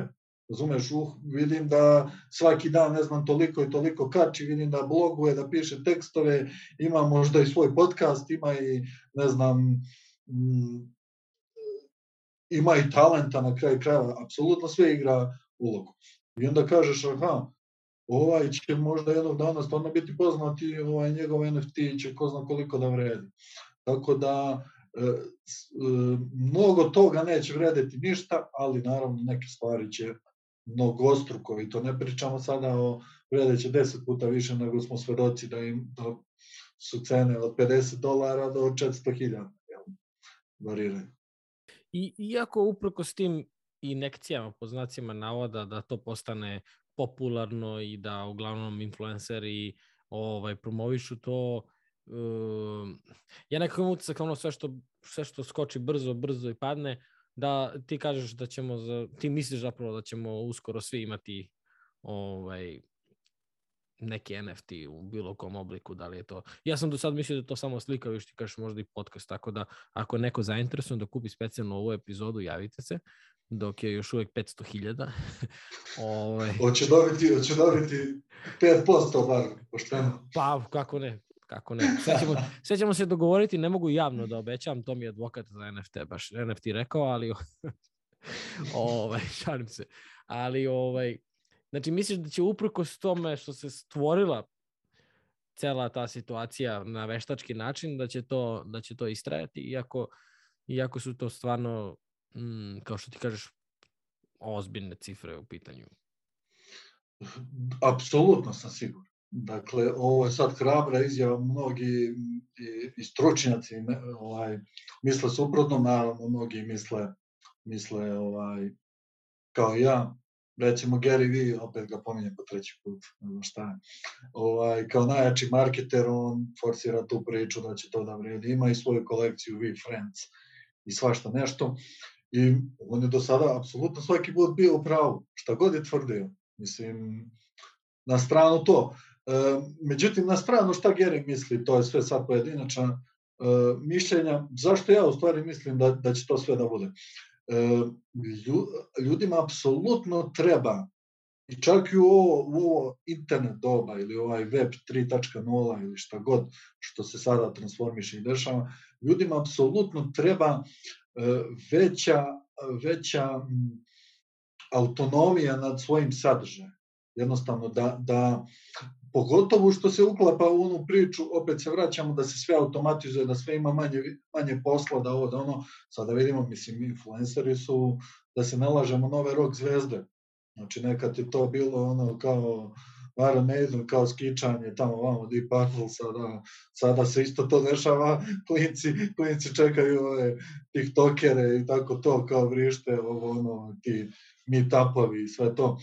I e, potreban je bio način da, da nekom, naravno, imaju oni sponzorske dilove i tako to sve. Međutim, bio potreban način da se nekako monetizuje taj, taj sadržaj stvari koji se pravi. I ovo je apsolutno idealno. S druge strane, evo Fortnite je, je jedan od, od dobrih primera. Ja iskreno nikad nisam igrao igricu, ali znam šta je, naravno, prilike to. Međutim, evo primer, dakle, ti sada igraš neku igricu i kupuješ neke skinove ili tako. Ono. Onog trenutka, kada recimo kompanija ta koja je proizvela, ne, ne znam sad ni ko je Fortnite, možda čak i ovi EA Games, uh, koja, kompanija kad odluči da, da ne daje više podršku serveru, recimo, i da ugasi server i to, ti gubiš apsolutno sve što si ikada uložio. Je tako? Znači, ono, ne ostaje ti više, nemaš gde da igraš, ono, serveri propali to. Sa NFT-om ti si vlasnik toga zauvek. Dakle, to se vezuje za tvoj kriptonočanik, to je tu i stoji. Dakle, sve, sve što si ikada kupio, bilo koja transakcija, to može da, a sve će biti vjerno.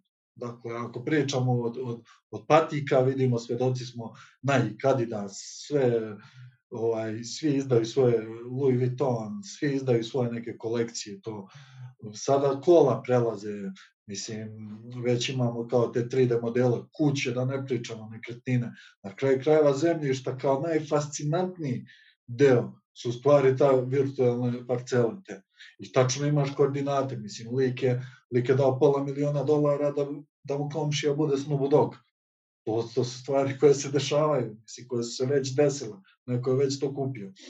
I ja, ja volim da kažem da, da u stvari sada ko kupi zemljište recimo na sandboxu kao da je kupio na Manhattanu parcelu pre 250 godina. Sada hrabro, hrabra izjava, ali vidjet ćemo u stvari na kraju u tom metaverzumu sutra ćeš jednostavno da iznajmiš tu parcelu u nekoj velikoj korporaciji koja će tu da napravi billboard. A sve će naravno da, da proistekne u to i generalno e, vidimo da kapitalizam prerasta u taj korporatizam, evo ga sad Microsoft kupuje sve, ne znam, kupili su Blizzarda i recimo ovaj, a demokratija tehnokratiju, tako da e, sve, apsolutno cela ova priča o kojoj pričamo i to transformisanje društva vodi samo u jednom smeru, a to je ovaj virtualni univerzum, to jest metaverzum, odnosno BrainNet, kad se, kad se izvrši ta simbioza čoveka i veštačke inteligencije, to je neki tamo sledeći korak, naravno da bi, kao što sam pomenuo, neka ultimativna verzija toga je da ne stavljaš više VR naočane, nego da fiziološki iskušavaš apsolutno sve, sa svih pet čula.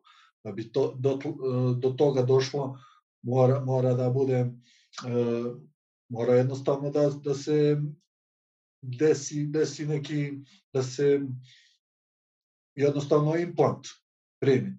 Tako da, evo, Neuralink Ilona Maska upravo radi na tome. Mislim, apsolutno je to primarni cilj čak, ne jedan od, nego primarni cilj, simbioza čoveka i veštačke inteligencije.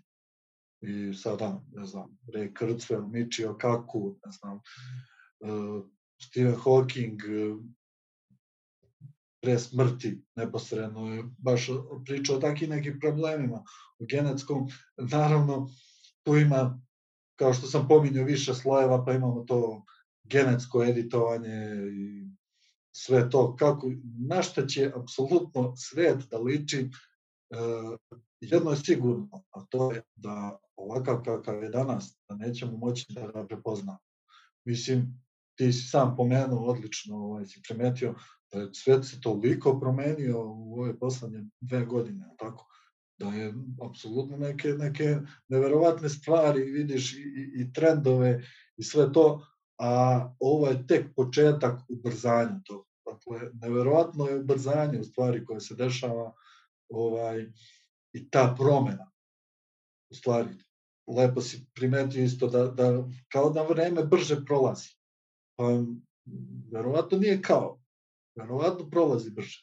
Na stranu što vreme kao neki koncept u stvari je, je neka naša tvorenina ljudska. Dakle, e, ne postoji u nekom metafizičkom smislu, jer znaš ono kako kažu, budućnost ne postoji, tako, prošlost ne postoji, pa mnogi kažu postoji samo sadašnji trenutak. E sad, ja bi otišao korak dalje, rekao bi da ne postoji ni sadašnji trenutak, jer da bi e, definisao sadašnji trenutak, treba da ga izmeriš. Kako da ga izmeriš? Koliko traje u stvari sadašnji trenutak? Jel po sekunda? Jel milisekunda? Jel možemo onda da idemo opet u beskonačno? Tako da sve se dešava istovremeno. Naš doživljaj vremena se promenio. Znaš, ono što, mislim da je to da, Einstein rekao, da je ovaj, vreme teče, kako on to, ima onaj primer, vreme različito teče u odnosu da li si stavio ruku na vrelu ringlu ili, ne znam, posmatraš lepu devojku kao, ako staviš ruku na vrelu ringlu ima sporo kao da ti teče, znaš.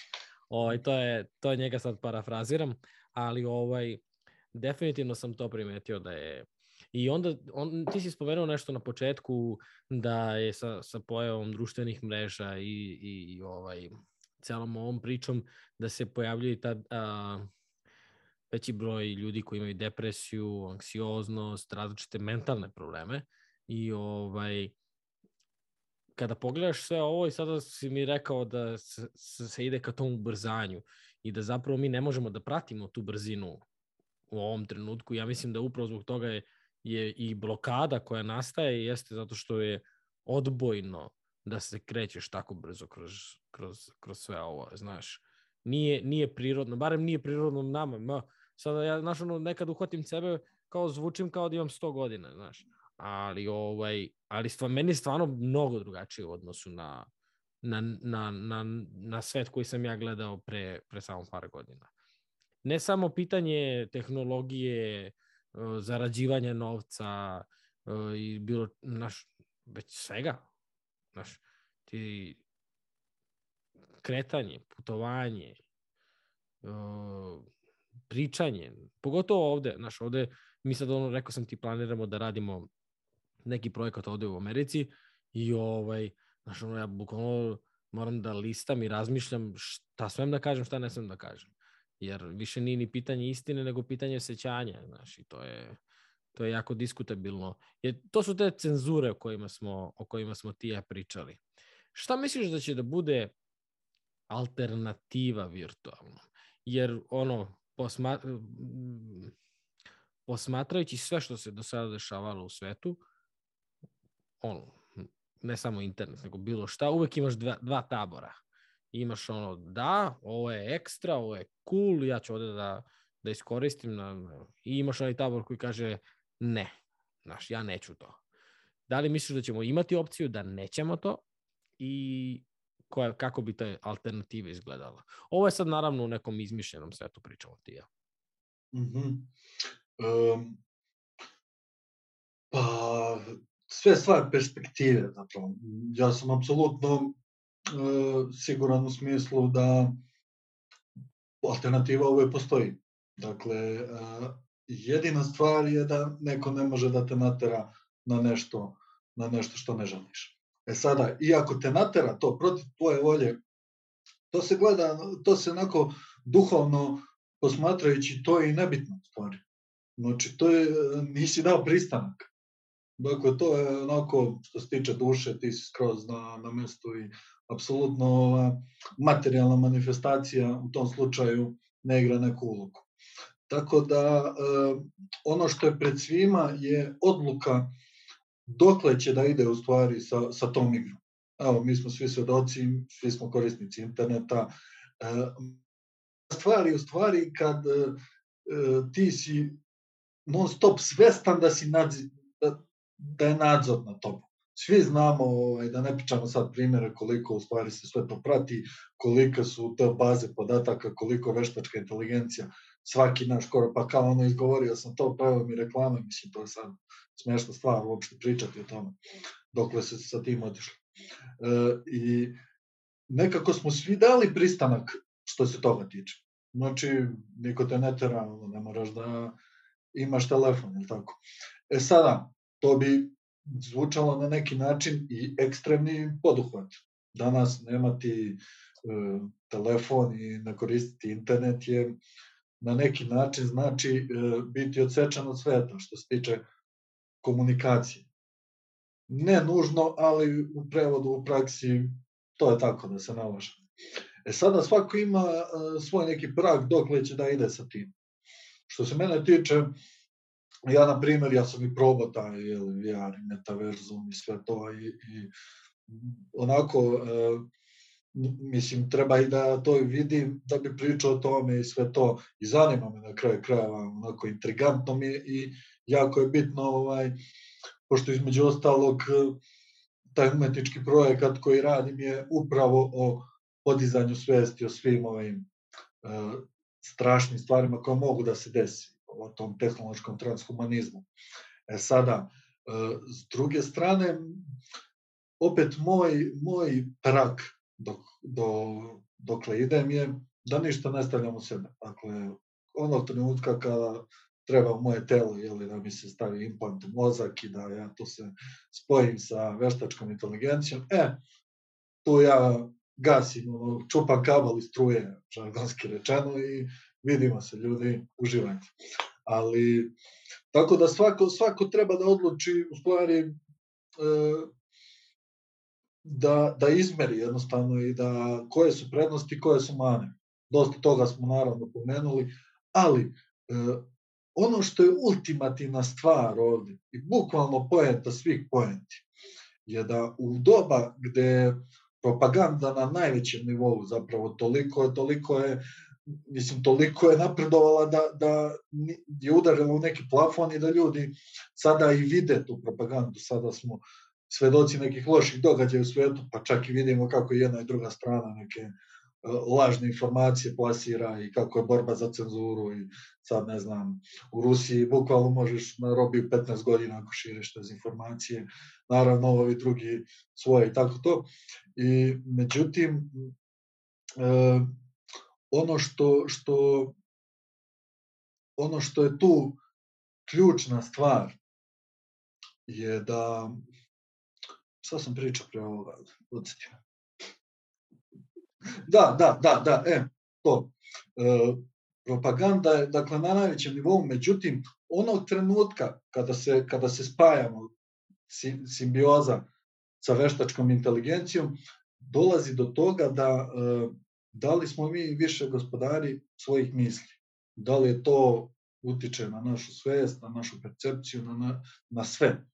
I apsolutno, onako, da se izrazi, postaje čovek na dugme. Znači, nema više potrebe za lažnim vestima, za ovim, za onim. Znači, dovoljno je da ti se usade misli, mislim, ovo je sada zvuči kao najgori, najgora distopijska noćna mora.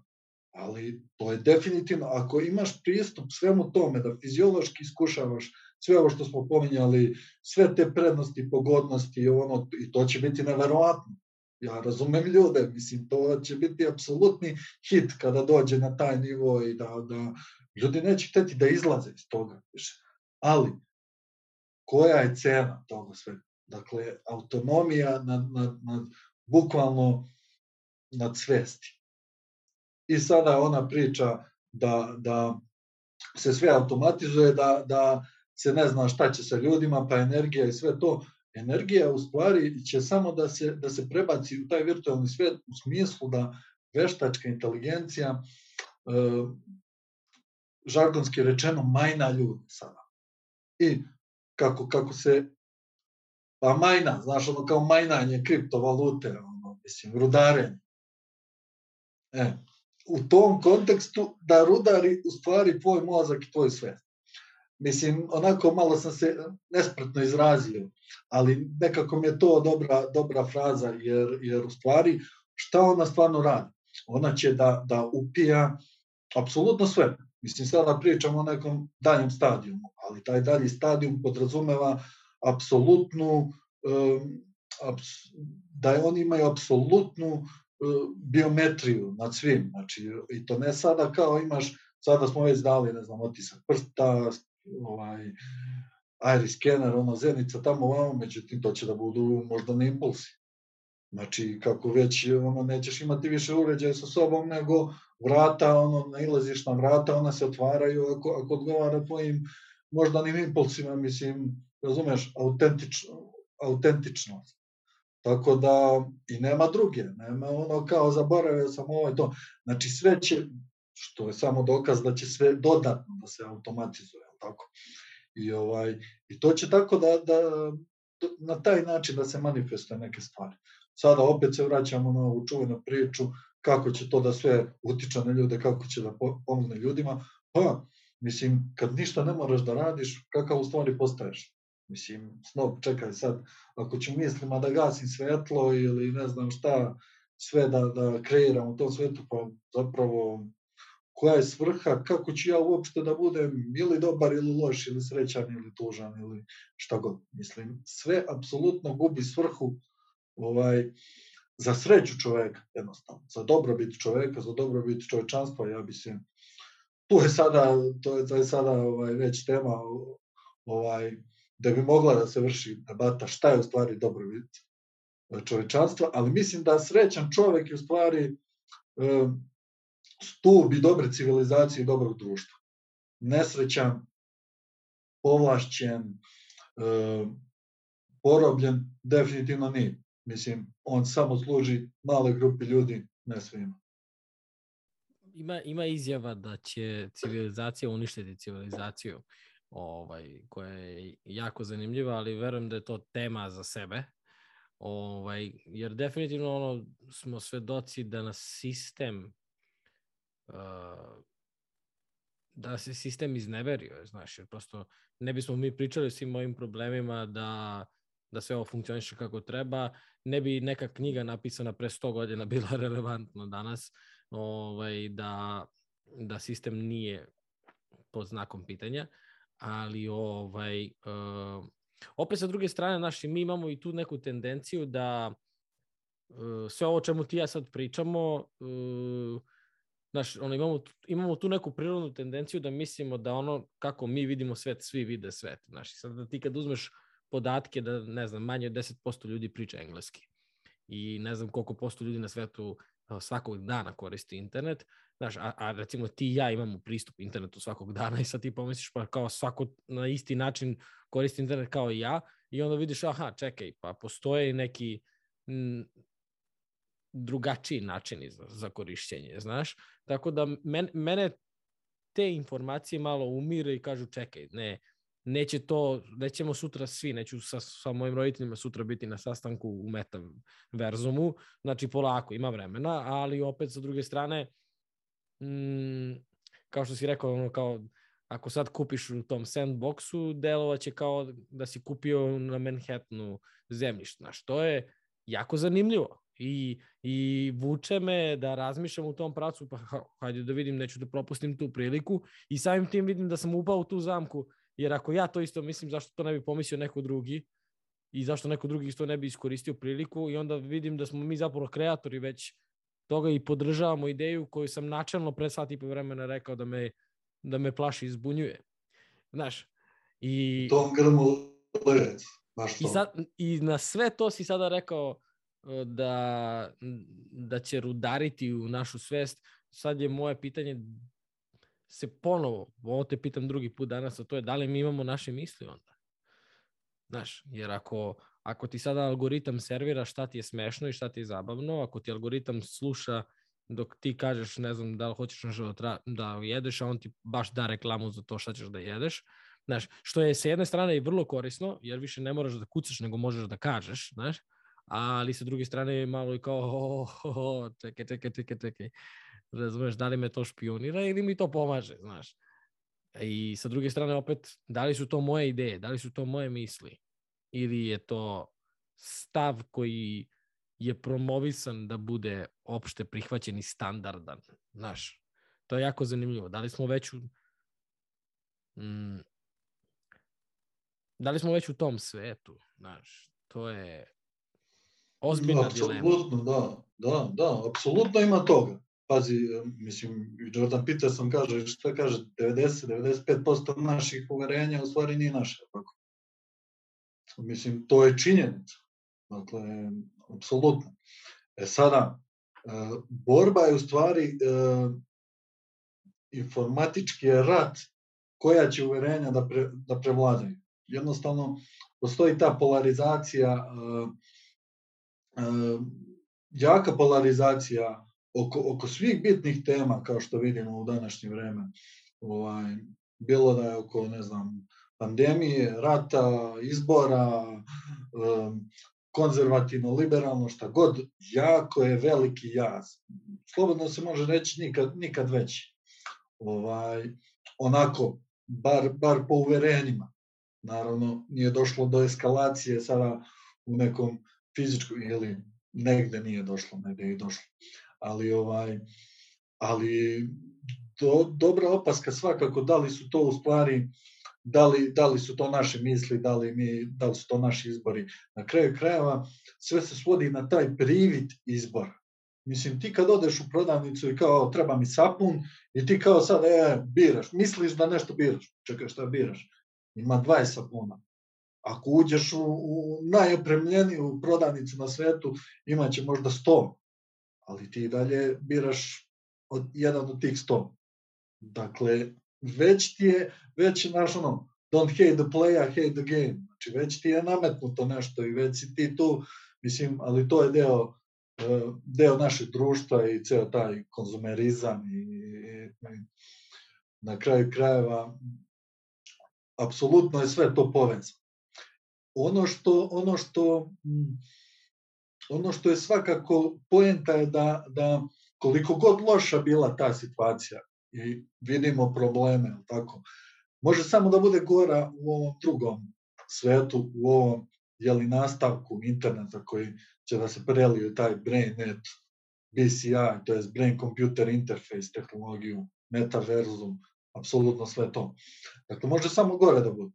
Ako vidimo da je propaganda neverovatna, da, da su ogromni problemi, znači ljudi, ljudi bukvalno čak su i svesni toga, mislim, rejtinzi konstantno opadaju tih velikih stanica. Dakle, dakle mediji, mediji e, upravo, upravo ljudi preuzimaju i pod, podcasteri i, ne znam, ljudi koji prave sadržaj preuzimaju ogroman deo pažnje od tih medija. I oni se grčevito bore da zadrže to. I naravno da je to ozbiljan problem, što se mnogi ljudi e, bude, što su svesni ovakvih stvari, što žele, što znaju da da čovek na kraju krajeva ne bi smeo da se, da se otuđi toliko od prirode. Već smo otišli predaleko. Mislim, to je, može da se raspravljaju toj činjenici. Da smo toliko pre, predaleko već otišli. Međutim, ono što, što sledi može samo da bude ono, ne znam, samouništenje. I sav taj, ono kad sam rekao, majna i rudar i te veštačka inteligencija, pre svega sam mislio na, na ogromnu analizu podataka svih, znači celokupne biometrije, misli, akcija, sve to i skupljanje, zamisli sad, svih ljudi u tom metaverzumu i to je ko se, ko se jeli, prikačio na taj brainet ili šta već. I e, već imamo neuralne mreže koje, koje veštačke neuralne mreže, recimo tekst generatore koji su neverovatni, koji, koji znaju apsolutno da sklapaju rečenice smislene, značenje, mislim, veštačka inteligencija ne može da zna šta je auto. Ona nema svest, jednostavno. E, ali ona može da, da zna svaki koncept u kome je pomenut auto. I šta ide, šta ne ide uz, uz, uz, uz tu imenicu, recimo, ili tako, i bukvalno da smisleno, da smisleno generiše rečenice. E sada, ako to već imamo danas i ako su to samo na osnovu na osnovu e, teksta, recimo, jer to, ta baza podataka u stvari samo jedan ogromna baza teksta, ono, celog interneta prema. Šta ćemo onda sa, celokupnom biometrijom, sa, sa, sa fiziologijom na tacni.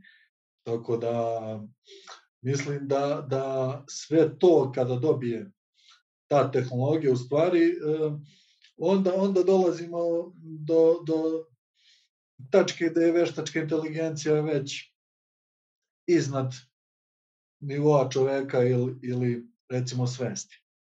E, odnosno, u prevodu, kako to gledaju e, onako programerski, gledano da će pre, proći Turingov test. Turingov test je kao da, da li, da li, e, e, e, e. I, ovaj, I definitivno mislim da je to sada neupitno da će doći dan kada će, kada će veštačka inteligencija proći taj Turingov test. Međutim, e, prava opasnost je kad se to sve otme kontroli. U smislu, kad čovjek više ne bude imao ikakvog utjecaja na sve to, to se zove kao singularitet. I sada Krcel priča da će to da bude isto za, ne znam, 20 godina i tako to, mislim, strašno je, je 40 ovaj, neke ili tako to.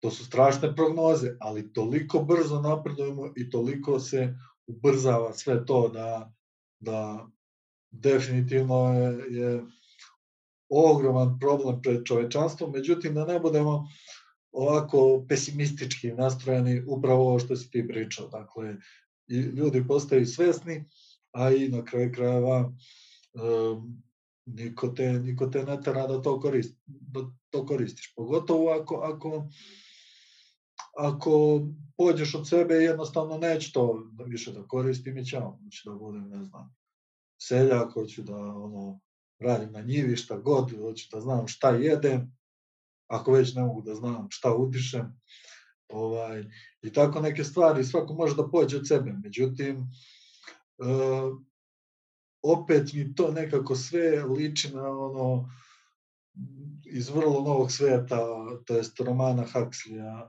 gde on te analogne ljude uh, definisao kao divljaci, mislim, Sević ima bukvalno naziv, oni su divljaci, razumeš. I sad ovi jeli, kiborzi, to oni idu sad tamo u internate te i kao gledaju, razumeš, kao e, kod njih je monogamija, kao to su divljaci, razumeš. I tako te neke stvari, ovaj, mislim, onako ideološki je to kultni roman, definitivno, ovaj, vrlo i novi svet od Oldosa Huxleya. Ja mislim da je 32. napisan, 1932. Ovaj, Tako da mislim da, da, da definitivno uh, postoji opcija, ali na kraju se sve svodi na, na ono čuveno. Nije bitno šta se dešava, bitno je šta ti radiš kada se nešto dešava. I mislim da to ljudi nikad ne treba da smetnu sa ovom. Ono što ne utičemo, ne moramo da pomažemo, možemo da bojkotujemo, ne moramo da, da ubrzavamo ništa. Šta više, ja uživam da bojkotujem što više mogu sve, sve to. Ako, ako, ako ne moram, dok god ima keš, ja ću da držim pare u ruci, neću nikada imam karticu, neću da platim karticom ovaj, u životu. Tako da, dok god može, ja sam svestan da dolazi dan kada, kada verovatno to neće više biti mogućnost, ali ne moram da dajem legitimitet i ne moram da ubrzavam tako neke stvari. Dok god može, kontra može, a zato nas i ne vole se, znaš, mi, mi sa Balkana volimo tu malo malo, e, malo drugu priču. Ako kažeš da ne može tako, ja ću da ti pokažem da može sto puta tako. E, znaš, ali ovaj, ima jedna zanimljiva tema koju sam, a, zapravo teorija koju sam, koju sam čuo, mislim da sam to pročitao zapravo kod Harari, ali nisam siguran, a, koja kaže da a, zapravo kad dođe do te da se sve radi automatizacija, znači da sve mašine funkcionišu i tako dalje, da čovjek više ne mora da uh, radi, da čovjek onda, da ćemo onda imati mogućnost da biramo a, kako ćemo trošiti svoje vreme i da zapravo tada ne mora da znači da ćemo da odemo u tu drugu stranu, a to je ta neka utopija gde ćeš da sediš i ništa ne radiš, a imaš sve osnovno, nego da postoji mogućnost da ćemo zapravo tada krenuti da negujemo tu našu kreativnu stranu, tu našu umetničku stranu i da će nam to možda otvoriti prostor da uh, postanemo pametniji. po znacima navoda pametniji, odnosno da koristimo više svoj mozak. I to je ono što se meni dopalo, kao, to je ono što je meni kliknulo kao ideja, jer ako pogledaš sada, na primjer, samo hoću da napravim par paralela, pa da zanima mi tvoje mišljenje.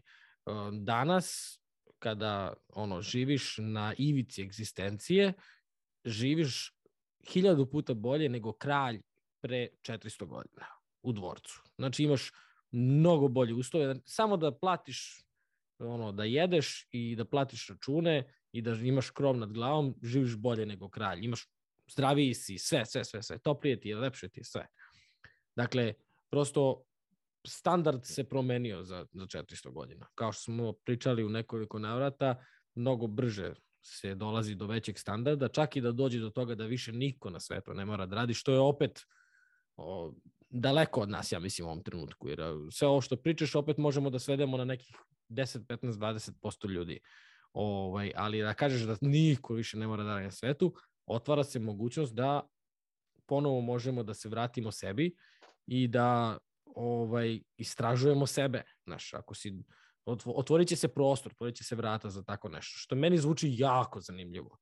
Jer kad pogledaš sa druge strane, jako je teško baviti se sobom, jako je teško odupreti se svim tim trendovima i svemu tome kada znaš da moraš da da trošiš svoju energiju da bi dobio novac, da bi opet opstao, da bi preživao.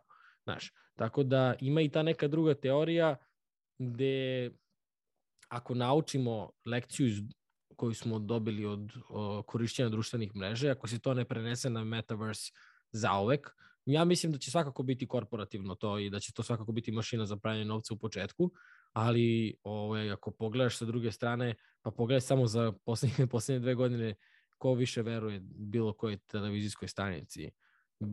Novinarski posao, da li uopšte ima novinara više koji rade novinarski posao ili su novinari čitači ono tekstova koji moraju da pročitaju, znaš, mislim, samo kad pogledaš te stvari, mislim, pogledaj samo da, ne znam, da si čuo za onu seriju Squid Games?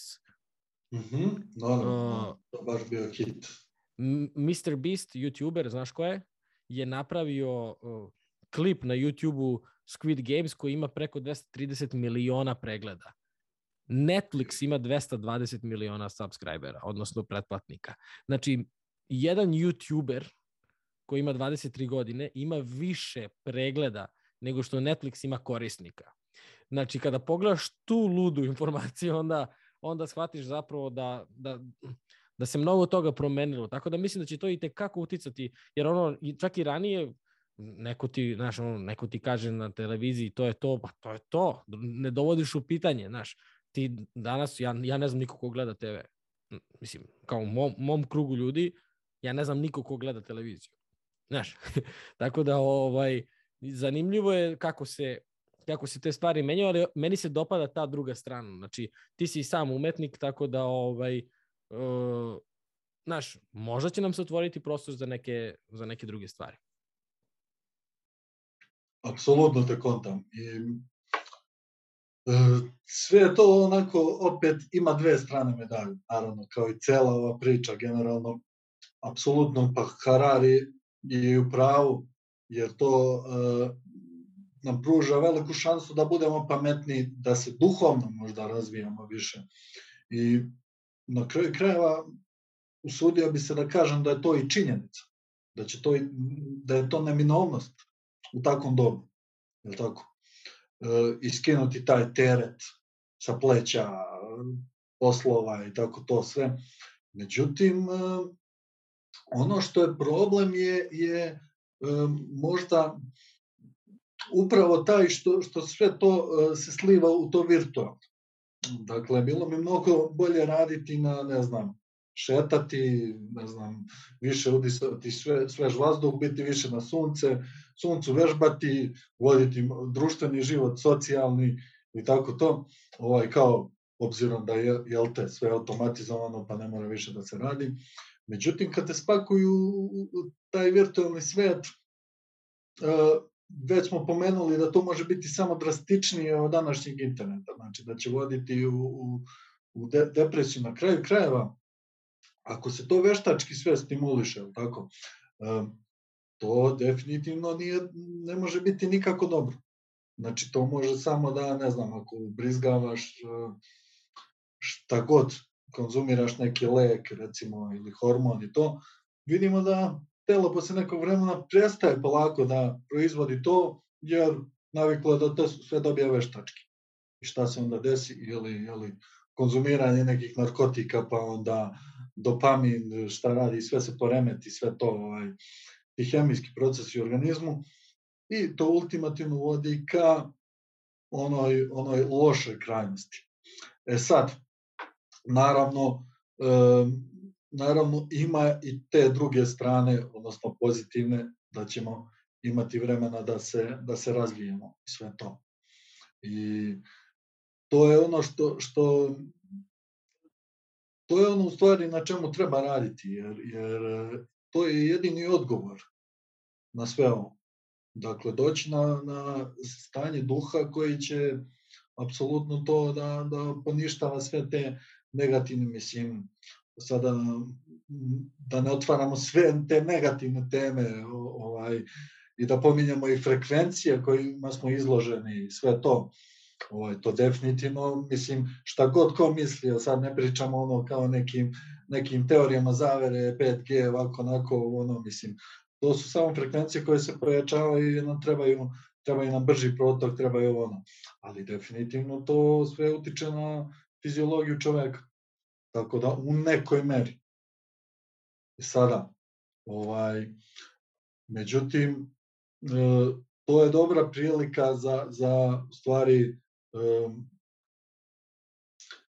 sada, sada da iskoristim onu, onu, onu frazu koja sada postaje nekako ono kao teška vremena stvaraju jake ljude, tako. I to je. Sada to, ta fraza je toliko onako postala malo izlizana, pre svega što to e, jako, dobar, loš, loša vremena i to, sve, svi ti ovaj, prefiksi određuju neku, neku e, to jest uključuju neku perspektivu i percepciju. Dakle, šta je dobro? Mislim, sada za mnogo stvari e, možemo da, da nekako stvorimo neki univerzalni utisak i na kraju krajeva lepo kažu svako se rodi, kad se rodi zna šta je dobro i šta je loše, sve ostalo je posle ovaj, neke, neke uticanje, ono što smo pominjali, tuđe overenja i sve tako to. Ali ovaj ali ovo je idealna prilika da ako su takve okolnosti i taka vremena, čovek više nego ikada radi na sebi i na kraju krajeva postane, postane um, biohaker na neki prirodan način. Mislim, uh, sam taj transhumanizam, šta u stvari znači transhumanizam? Mislim, konkretno transhumanizam, ja kad pominjem mislim na tehnološki transhumanizam. Uh, transhumanizam znači uh, nadilaženje ograničenja čoveka, ono, odnosno super čovek, super moći, ili tako, ovaj, i to, međutim, e, taj, taj izraz može da se gleda u, u različitim konceptima. Dakle, transhumanizam je i kad onaj tamo Shaolin, ne znam, koji, koji vežba ceo život da razbije ciglu rukom i to, mislim, to ne može sad ono, ja da uzmem i kao razbijem odjedno mi dođemo kao cepnemo i ćao. Ali, tehnološki transhumanizam može. Dakle, ono, tita, titanijumska ruka, dugme, pljas, bum, ono, razbili smo deset cigle jednom na jednom. E, ali, e, to apsolutno ruši ceo taj koncept prirode, odnosno nagrade. Jer ti kad, kad, nešto, kad na nečemu radiš dosta dugo, ti stvarno postaješ super čovjek i super moćan. Tako? Ili na kraju krajeva ne mora da to da bude super moć, to može samo da bude veština neka. Dakle, sviranje instrumenta. Ne može da se nauči sad uzmeš gitaru da sviraš i kao sad, jednom sam naučio to. Znači, to je potrebno uloži, da bi se to stvarilo, potrebno da se uloži energija, trud, sve tako, pa neuroni da se, da se poslože, sve to i da onda to bude neka instinktivna i automatska radnja.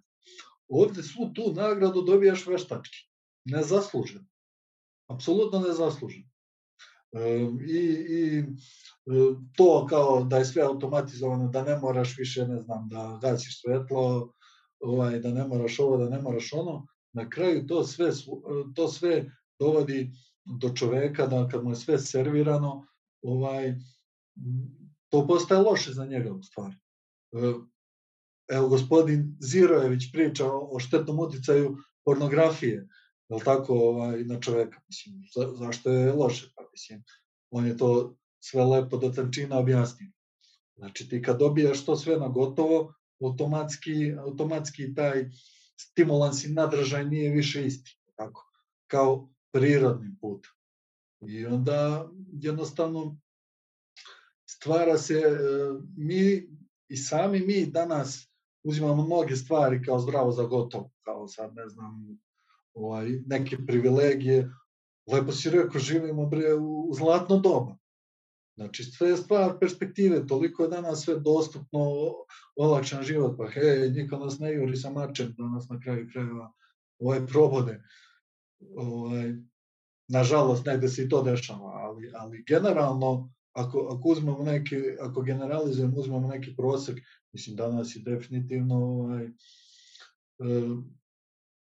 de, definitivno bolje, mnogo toga bolje nego što je bilo. Sada, e, problem je upravo to što se sve dobija na gotovo, što čovjek teži senzaciji, jer što je nešto bolje, što je nešto ukusnije, što je ukusnija hrana, ti stičeš neki, neki da tako kažem, imunitet na to. Jednostavno, ako jedeš i najbolju hranu, zamisli, ne znam, svoje omiljeno jelo i sada moraš da ga jedeš mesec dana. A, nije više to to. A? Ili, Zamisli, ako ne jedeš dva dana ništa, pa uzmeš nešto što ti se možda i ne sviđa, u, da vidiš kakav je ukus i kako ukus. Tako da je to sve, ovaj, ne kažu ono džabe, kao, hoćeš da ti bude zabavno, pa radi dosadne stvari. Onda će ti sve biti zabavno. Da, da, ovo je baš dobro što si sad rekao.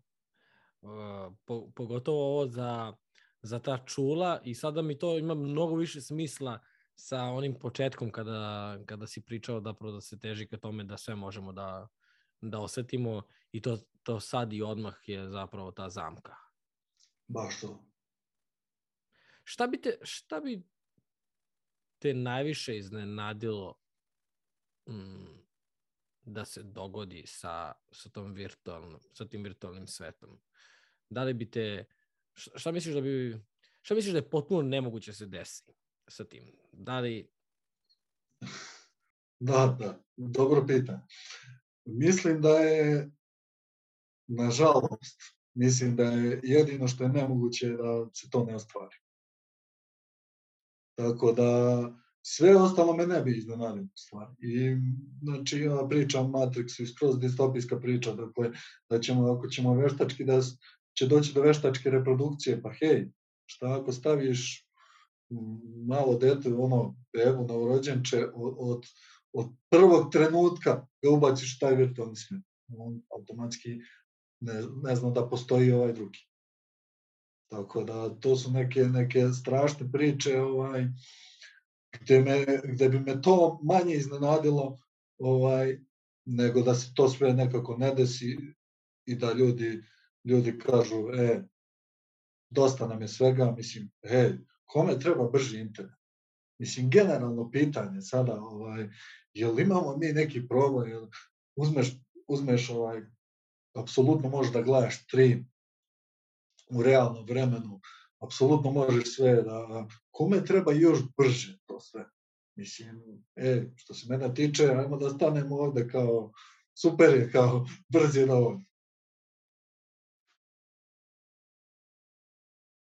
Da, da.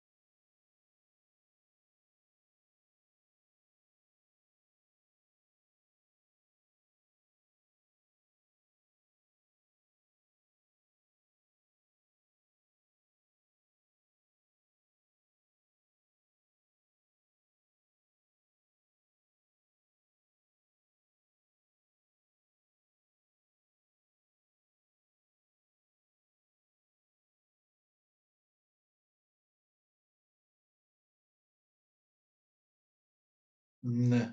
Poznato mi je nešto. Aha, aha.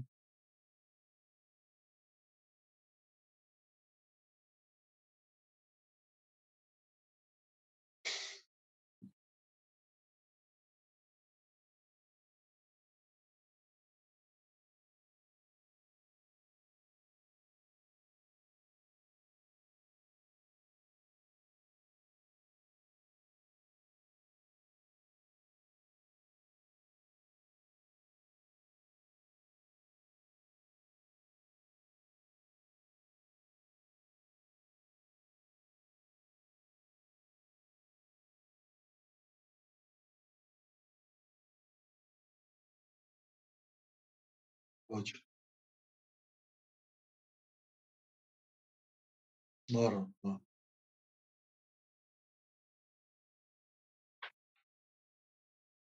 U, to mi, to mi, je, to mi je i omiljena. Inače, ljudi, ljudi ne gotive tu epizodu. Nekako podcenjuju. Ne shvataju ozbiljno. Da, apsolutno.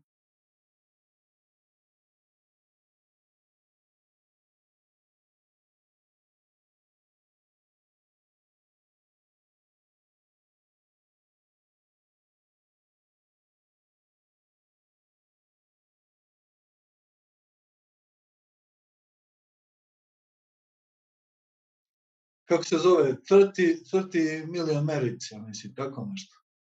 Prva sezona je, prva sezona je. Da.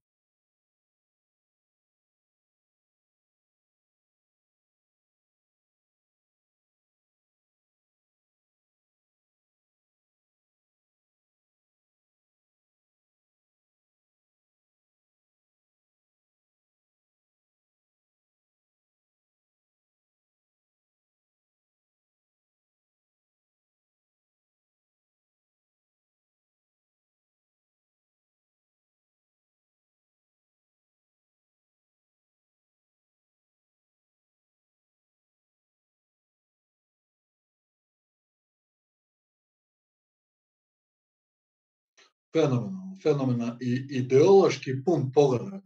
Dakle, on, pazi, e, ljudi nekako onako bu, bukvalno shvataju, na primjer, ko nije upućen recimo ove teme, pa kao šta ovaj vozi bicikl, šta, znaš, e, e, to je, da, da, da, da, kao šta je, e, to bukvalno sugeriše na energiju. Dakle, da proizvodiš energiju, dakle, oni su u nekom svemirskom brodu, tako, treba da ga pokreće neka energija. I oni svi tu, ovaj, naravno, zatvorenik si u prevodu, jel tako, ovaj, i ne izlaziš, na kraju su i uniformisani, onako sve to. I imaš, imaš apsolutno sve aspekte i ovog, ovog današnjeg modernog društva u kojem živimo.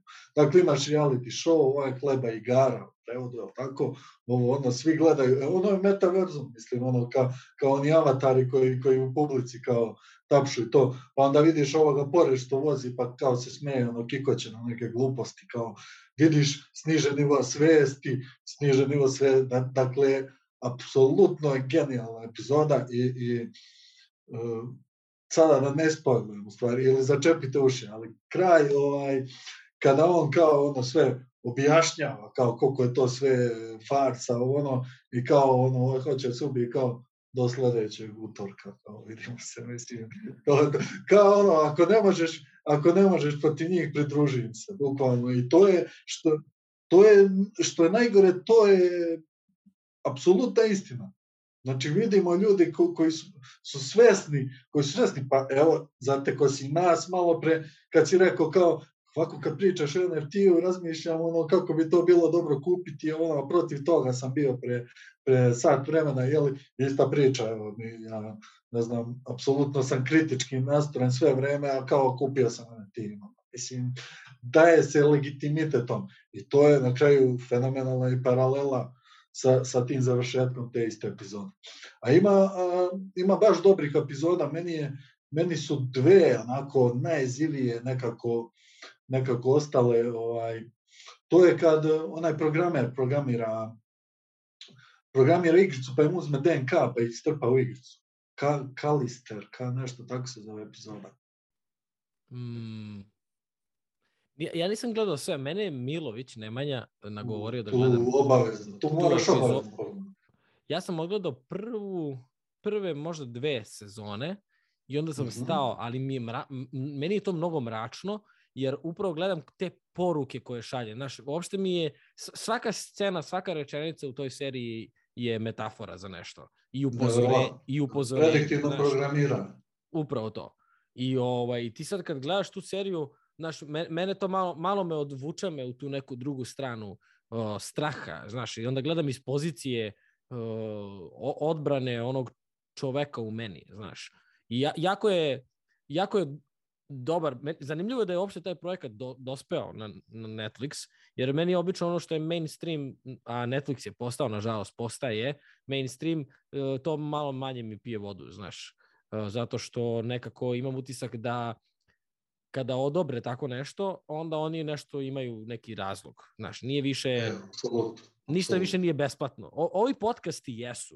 Zato ja tu ono vidim za- Zato sam i odlučio poslednjih, koliko je već dva meseca snimamo različite razgovore. Više nije samo pitanje zdravlja, jer ko, će da ima to zdravlje ako se izgubimo apsolutno kao, kao društvo. Isto tako i ako se izgubimo kao društvo, džaba nam zdravlje. O- sa, moramo se podržavati.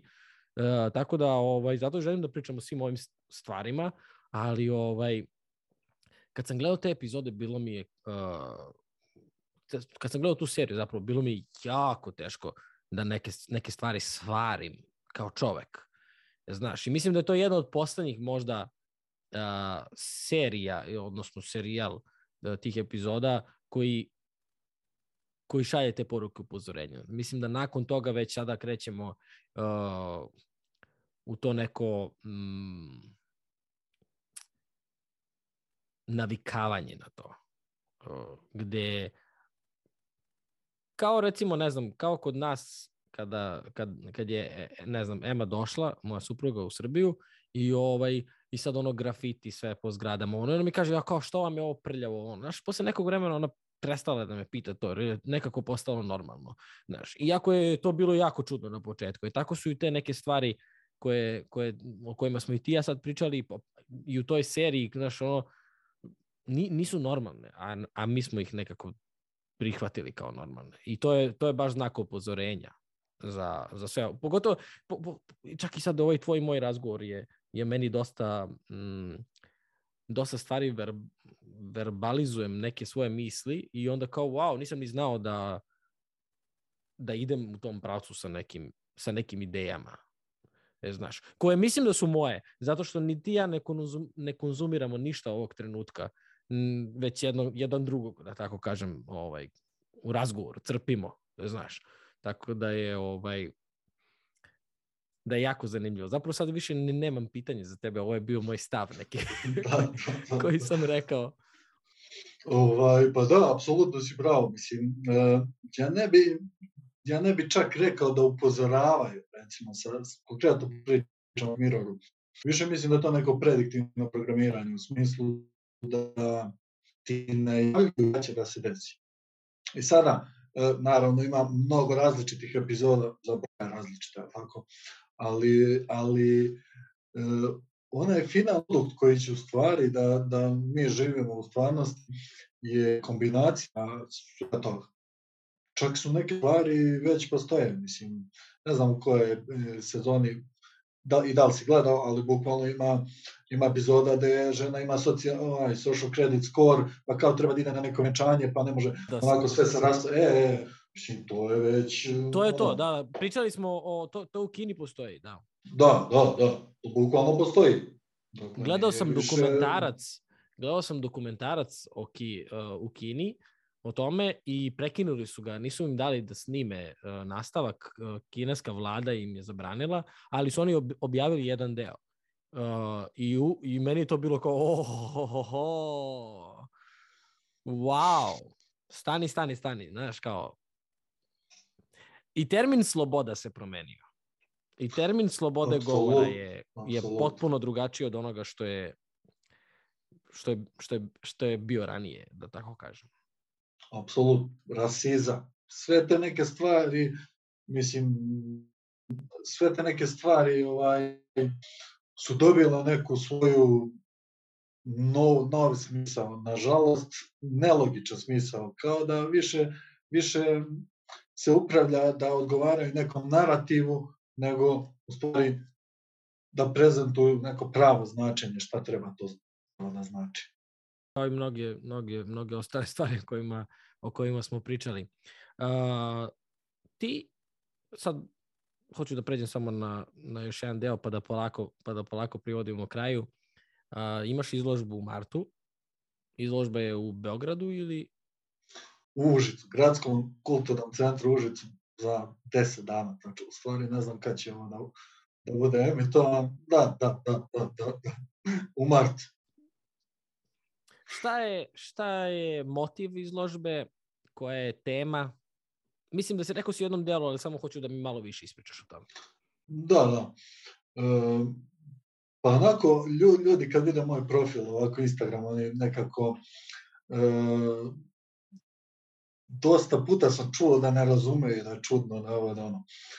Ko je, na primer, odgled ovaj podcast, jeli, do, do ovog dela, ceo sada, ovaj, definitivno mu je jasno šta u stvari pauza predstavlja obzirom da smo pominjali na pominjali svo to ubrzanje tehnološko dokle idemo i kao e, bukvalno pauza kao simbol je, je odgovor u stvari na sve to što se dešava, na taj tehnološki transhumanizam i za cilj ima da da podigne svest o tim nekim problemima i ne samo tehnološkim, nego i društvenim pre svega. Naravno, e, ja se izuzetno trudim da da se distanciram od politike grupnog identiteta. Dakle, da to nema ni jednu ideologiju u sebi, iako to je zapravo verovatno nemoguće. Međutim, ono, trudim se što se toga tiče da to ne bude E sada neko će to da kaže da sam previše liberalno razmišljam, nego previše konzervativno, ne znam, čak i vremenski interval da, je 70, da su 70. Jeli, prošlog veka, ja bi bio ono, levičar, definitivno kao sloboda, ono, sada ispadok desničar u očima, ne znam, Vok, levici sve to. I apsolutno to je ono Jordan Peterson između ostalog što priča da je svaki izam u stvari opasan. Jer zašto? Zato što e, oni najradikalniji, ideološki najradikalniji e, su u stvari ideološki najispravniji. Tako? I svaki taj pokret predvode jeli, najradikalniji samim tim oni nameću taj radikalizam i onda imamo u apsolutno svim sferama imamo problem. Dakle, ne znam, u klimatskim promenama ekologija, sva ta. Ja mislim da ne postoji e, normalna osoba na svetu koja ima nešto protiv prirode. Mislim, svi volimo prirodu, svi želimo da je očuvamo. Ali, u praksi vidimo da, da je to problem, tako, da, da se predstavlja izuzetno, izuzetno netačno ovaj, krivica, količina krivice običnih ljudi za to. Feminizam, zašto ne reći? Meni je, evo, ovaj, ko ima išta protiv žena, koja je normalna osoba, mislim. Činjenica je da su žene, mislim, i diskriminisane i to. Problem je narativ koji se servira da, da, da je za sve krivo društveno uređenje muškarci, konkretno patrijarhat, jeli, mizoginija, svakaki termini, mislim, uh, i da se tu manipuliše činjenicama. A činjenica je da, da na primjer, razlike u primanjima generiše 20, to jest prouzrokuje 20 razloga. Ne to društveno uređenje, pa kao, jeli, kao, mislim, što je, što je plavi bicikl jeftiniji od rozog. Mislim, to je, to je nivo, pa mislim, zato što su um, muškarci manje saglasni, ili kako bi već agreeable, preveli. Da, da, da, mislim, to, to, i svaki, i svaki tako, ovaj, apsolutno, svaki taj izam, u stvari, na kraju je opasan, jer, jer stavlja, stavlja to uh, grupno ispred individualnog, a svako je najbolji ako pođe od sebe i ako je srećan.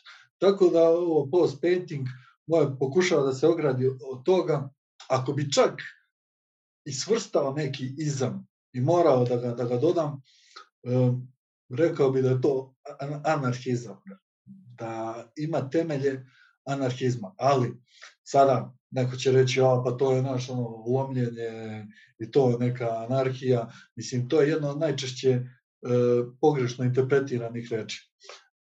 Čomski je lepo objasnio po, po definiciji, mislim, anarhizam nije specifičan e, skup doktrina, već tendencija u ljudskom ponašanju i akcijama da e, detektuje strukture dominacije i hijerarhije i izazove ih da one pokažu legitimitet.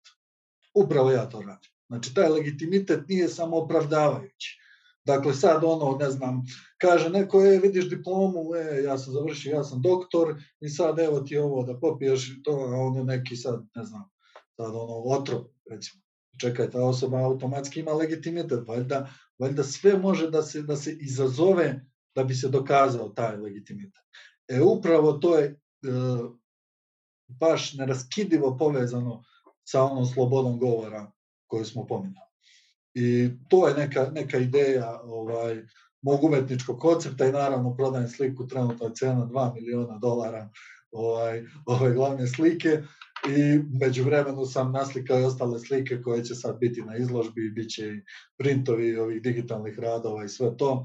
Tako da je to neki moj jedinstven način e, da iskažem svoju kreativnost, na kraju da osetim slobodu, jer, jer je e, u budućnosti najveći luksus će upravo biti bilo kakvi vid autonomije i slobode.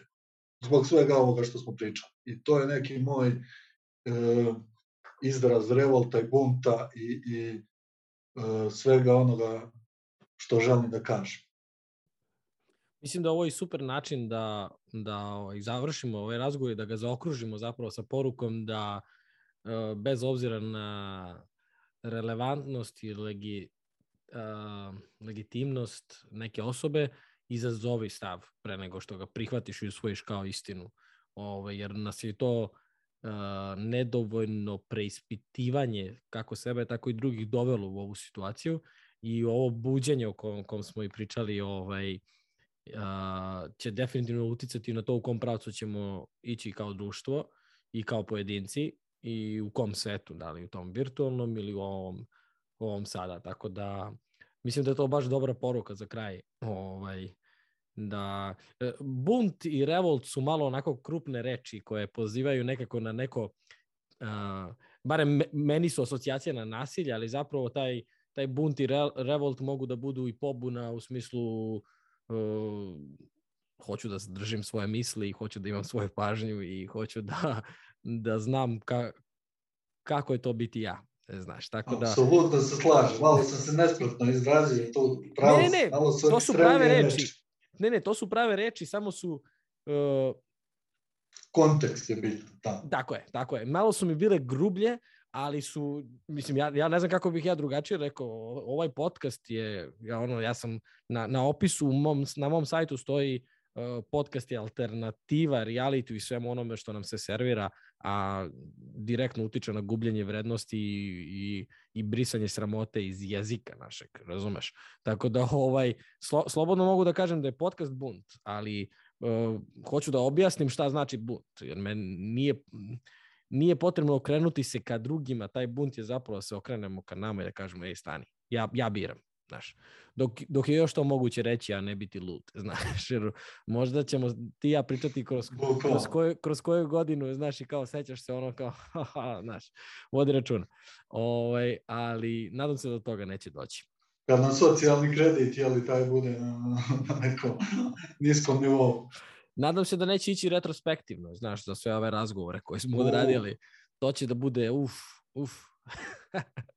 pitanje, pitanje. Hvala ti, eh, hvala ti puno na, na razgovoru, na, na ovaj, svemu što si podelio ovde sa mnom i sa nama. Želim ti puno sreće na izložbi ovaj, i neka to bude prva u nizu. Igraj se sa sa svojim kreativnim delom sebe koji si pronašao i ovaj, čim budeš imao neke nove informacije, ovaj, dođi da pričamo dalje. Hvala tebi puno na pozivu, bilo me baš zadovoljstvo. Dosta tema smo tako protresli i pozdrav svim tvojim gledalcima i naravno nastavi sve ovo da radiš i gledao sam neke podcaste tvoje naravno. Ovaj, tako da lepo si ovo rekao, bukvalno i ovo je tvoj način odgovora na sve ovo što se dešava i što smatraš da je potrebno da ljudi znaju. Tako da u suštini radimo istu stvar i samo želimo da svima bude bolje. Upravo tako, upravo tako. I hvala puno svima vama koji ste slušali i gledali ovaj podcast. Uh, najbolji način da nas podržite jeste sad malo kontradiktorno odnosno sve ovo što smo pričali, ali da se prijavite na ovaj YouTube kanal ili na bilo kojoj drugoj podcast platformi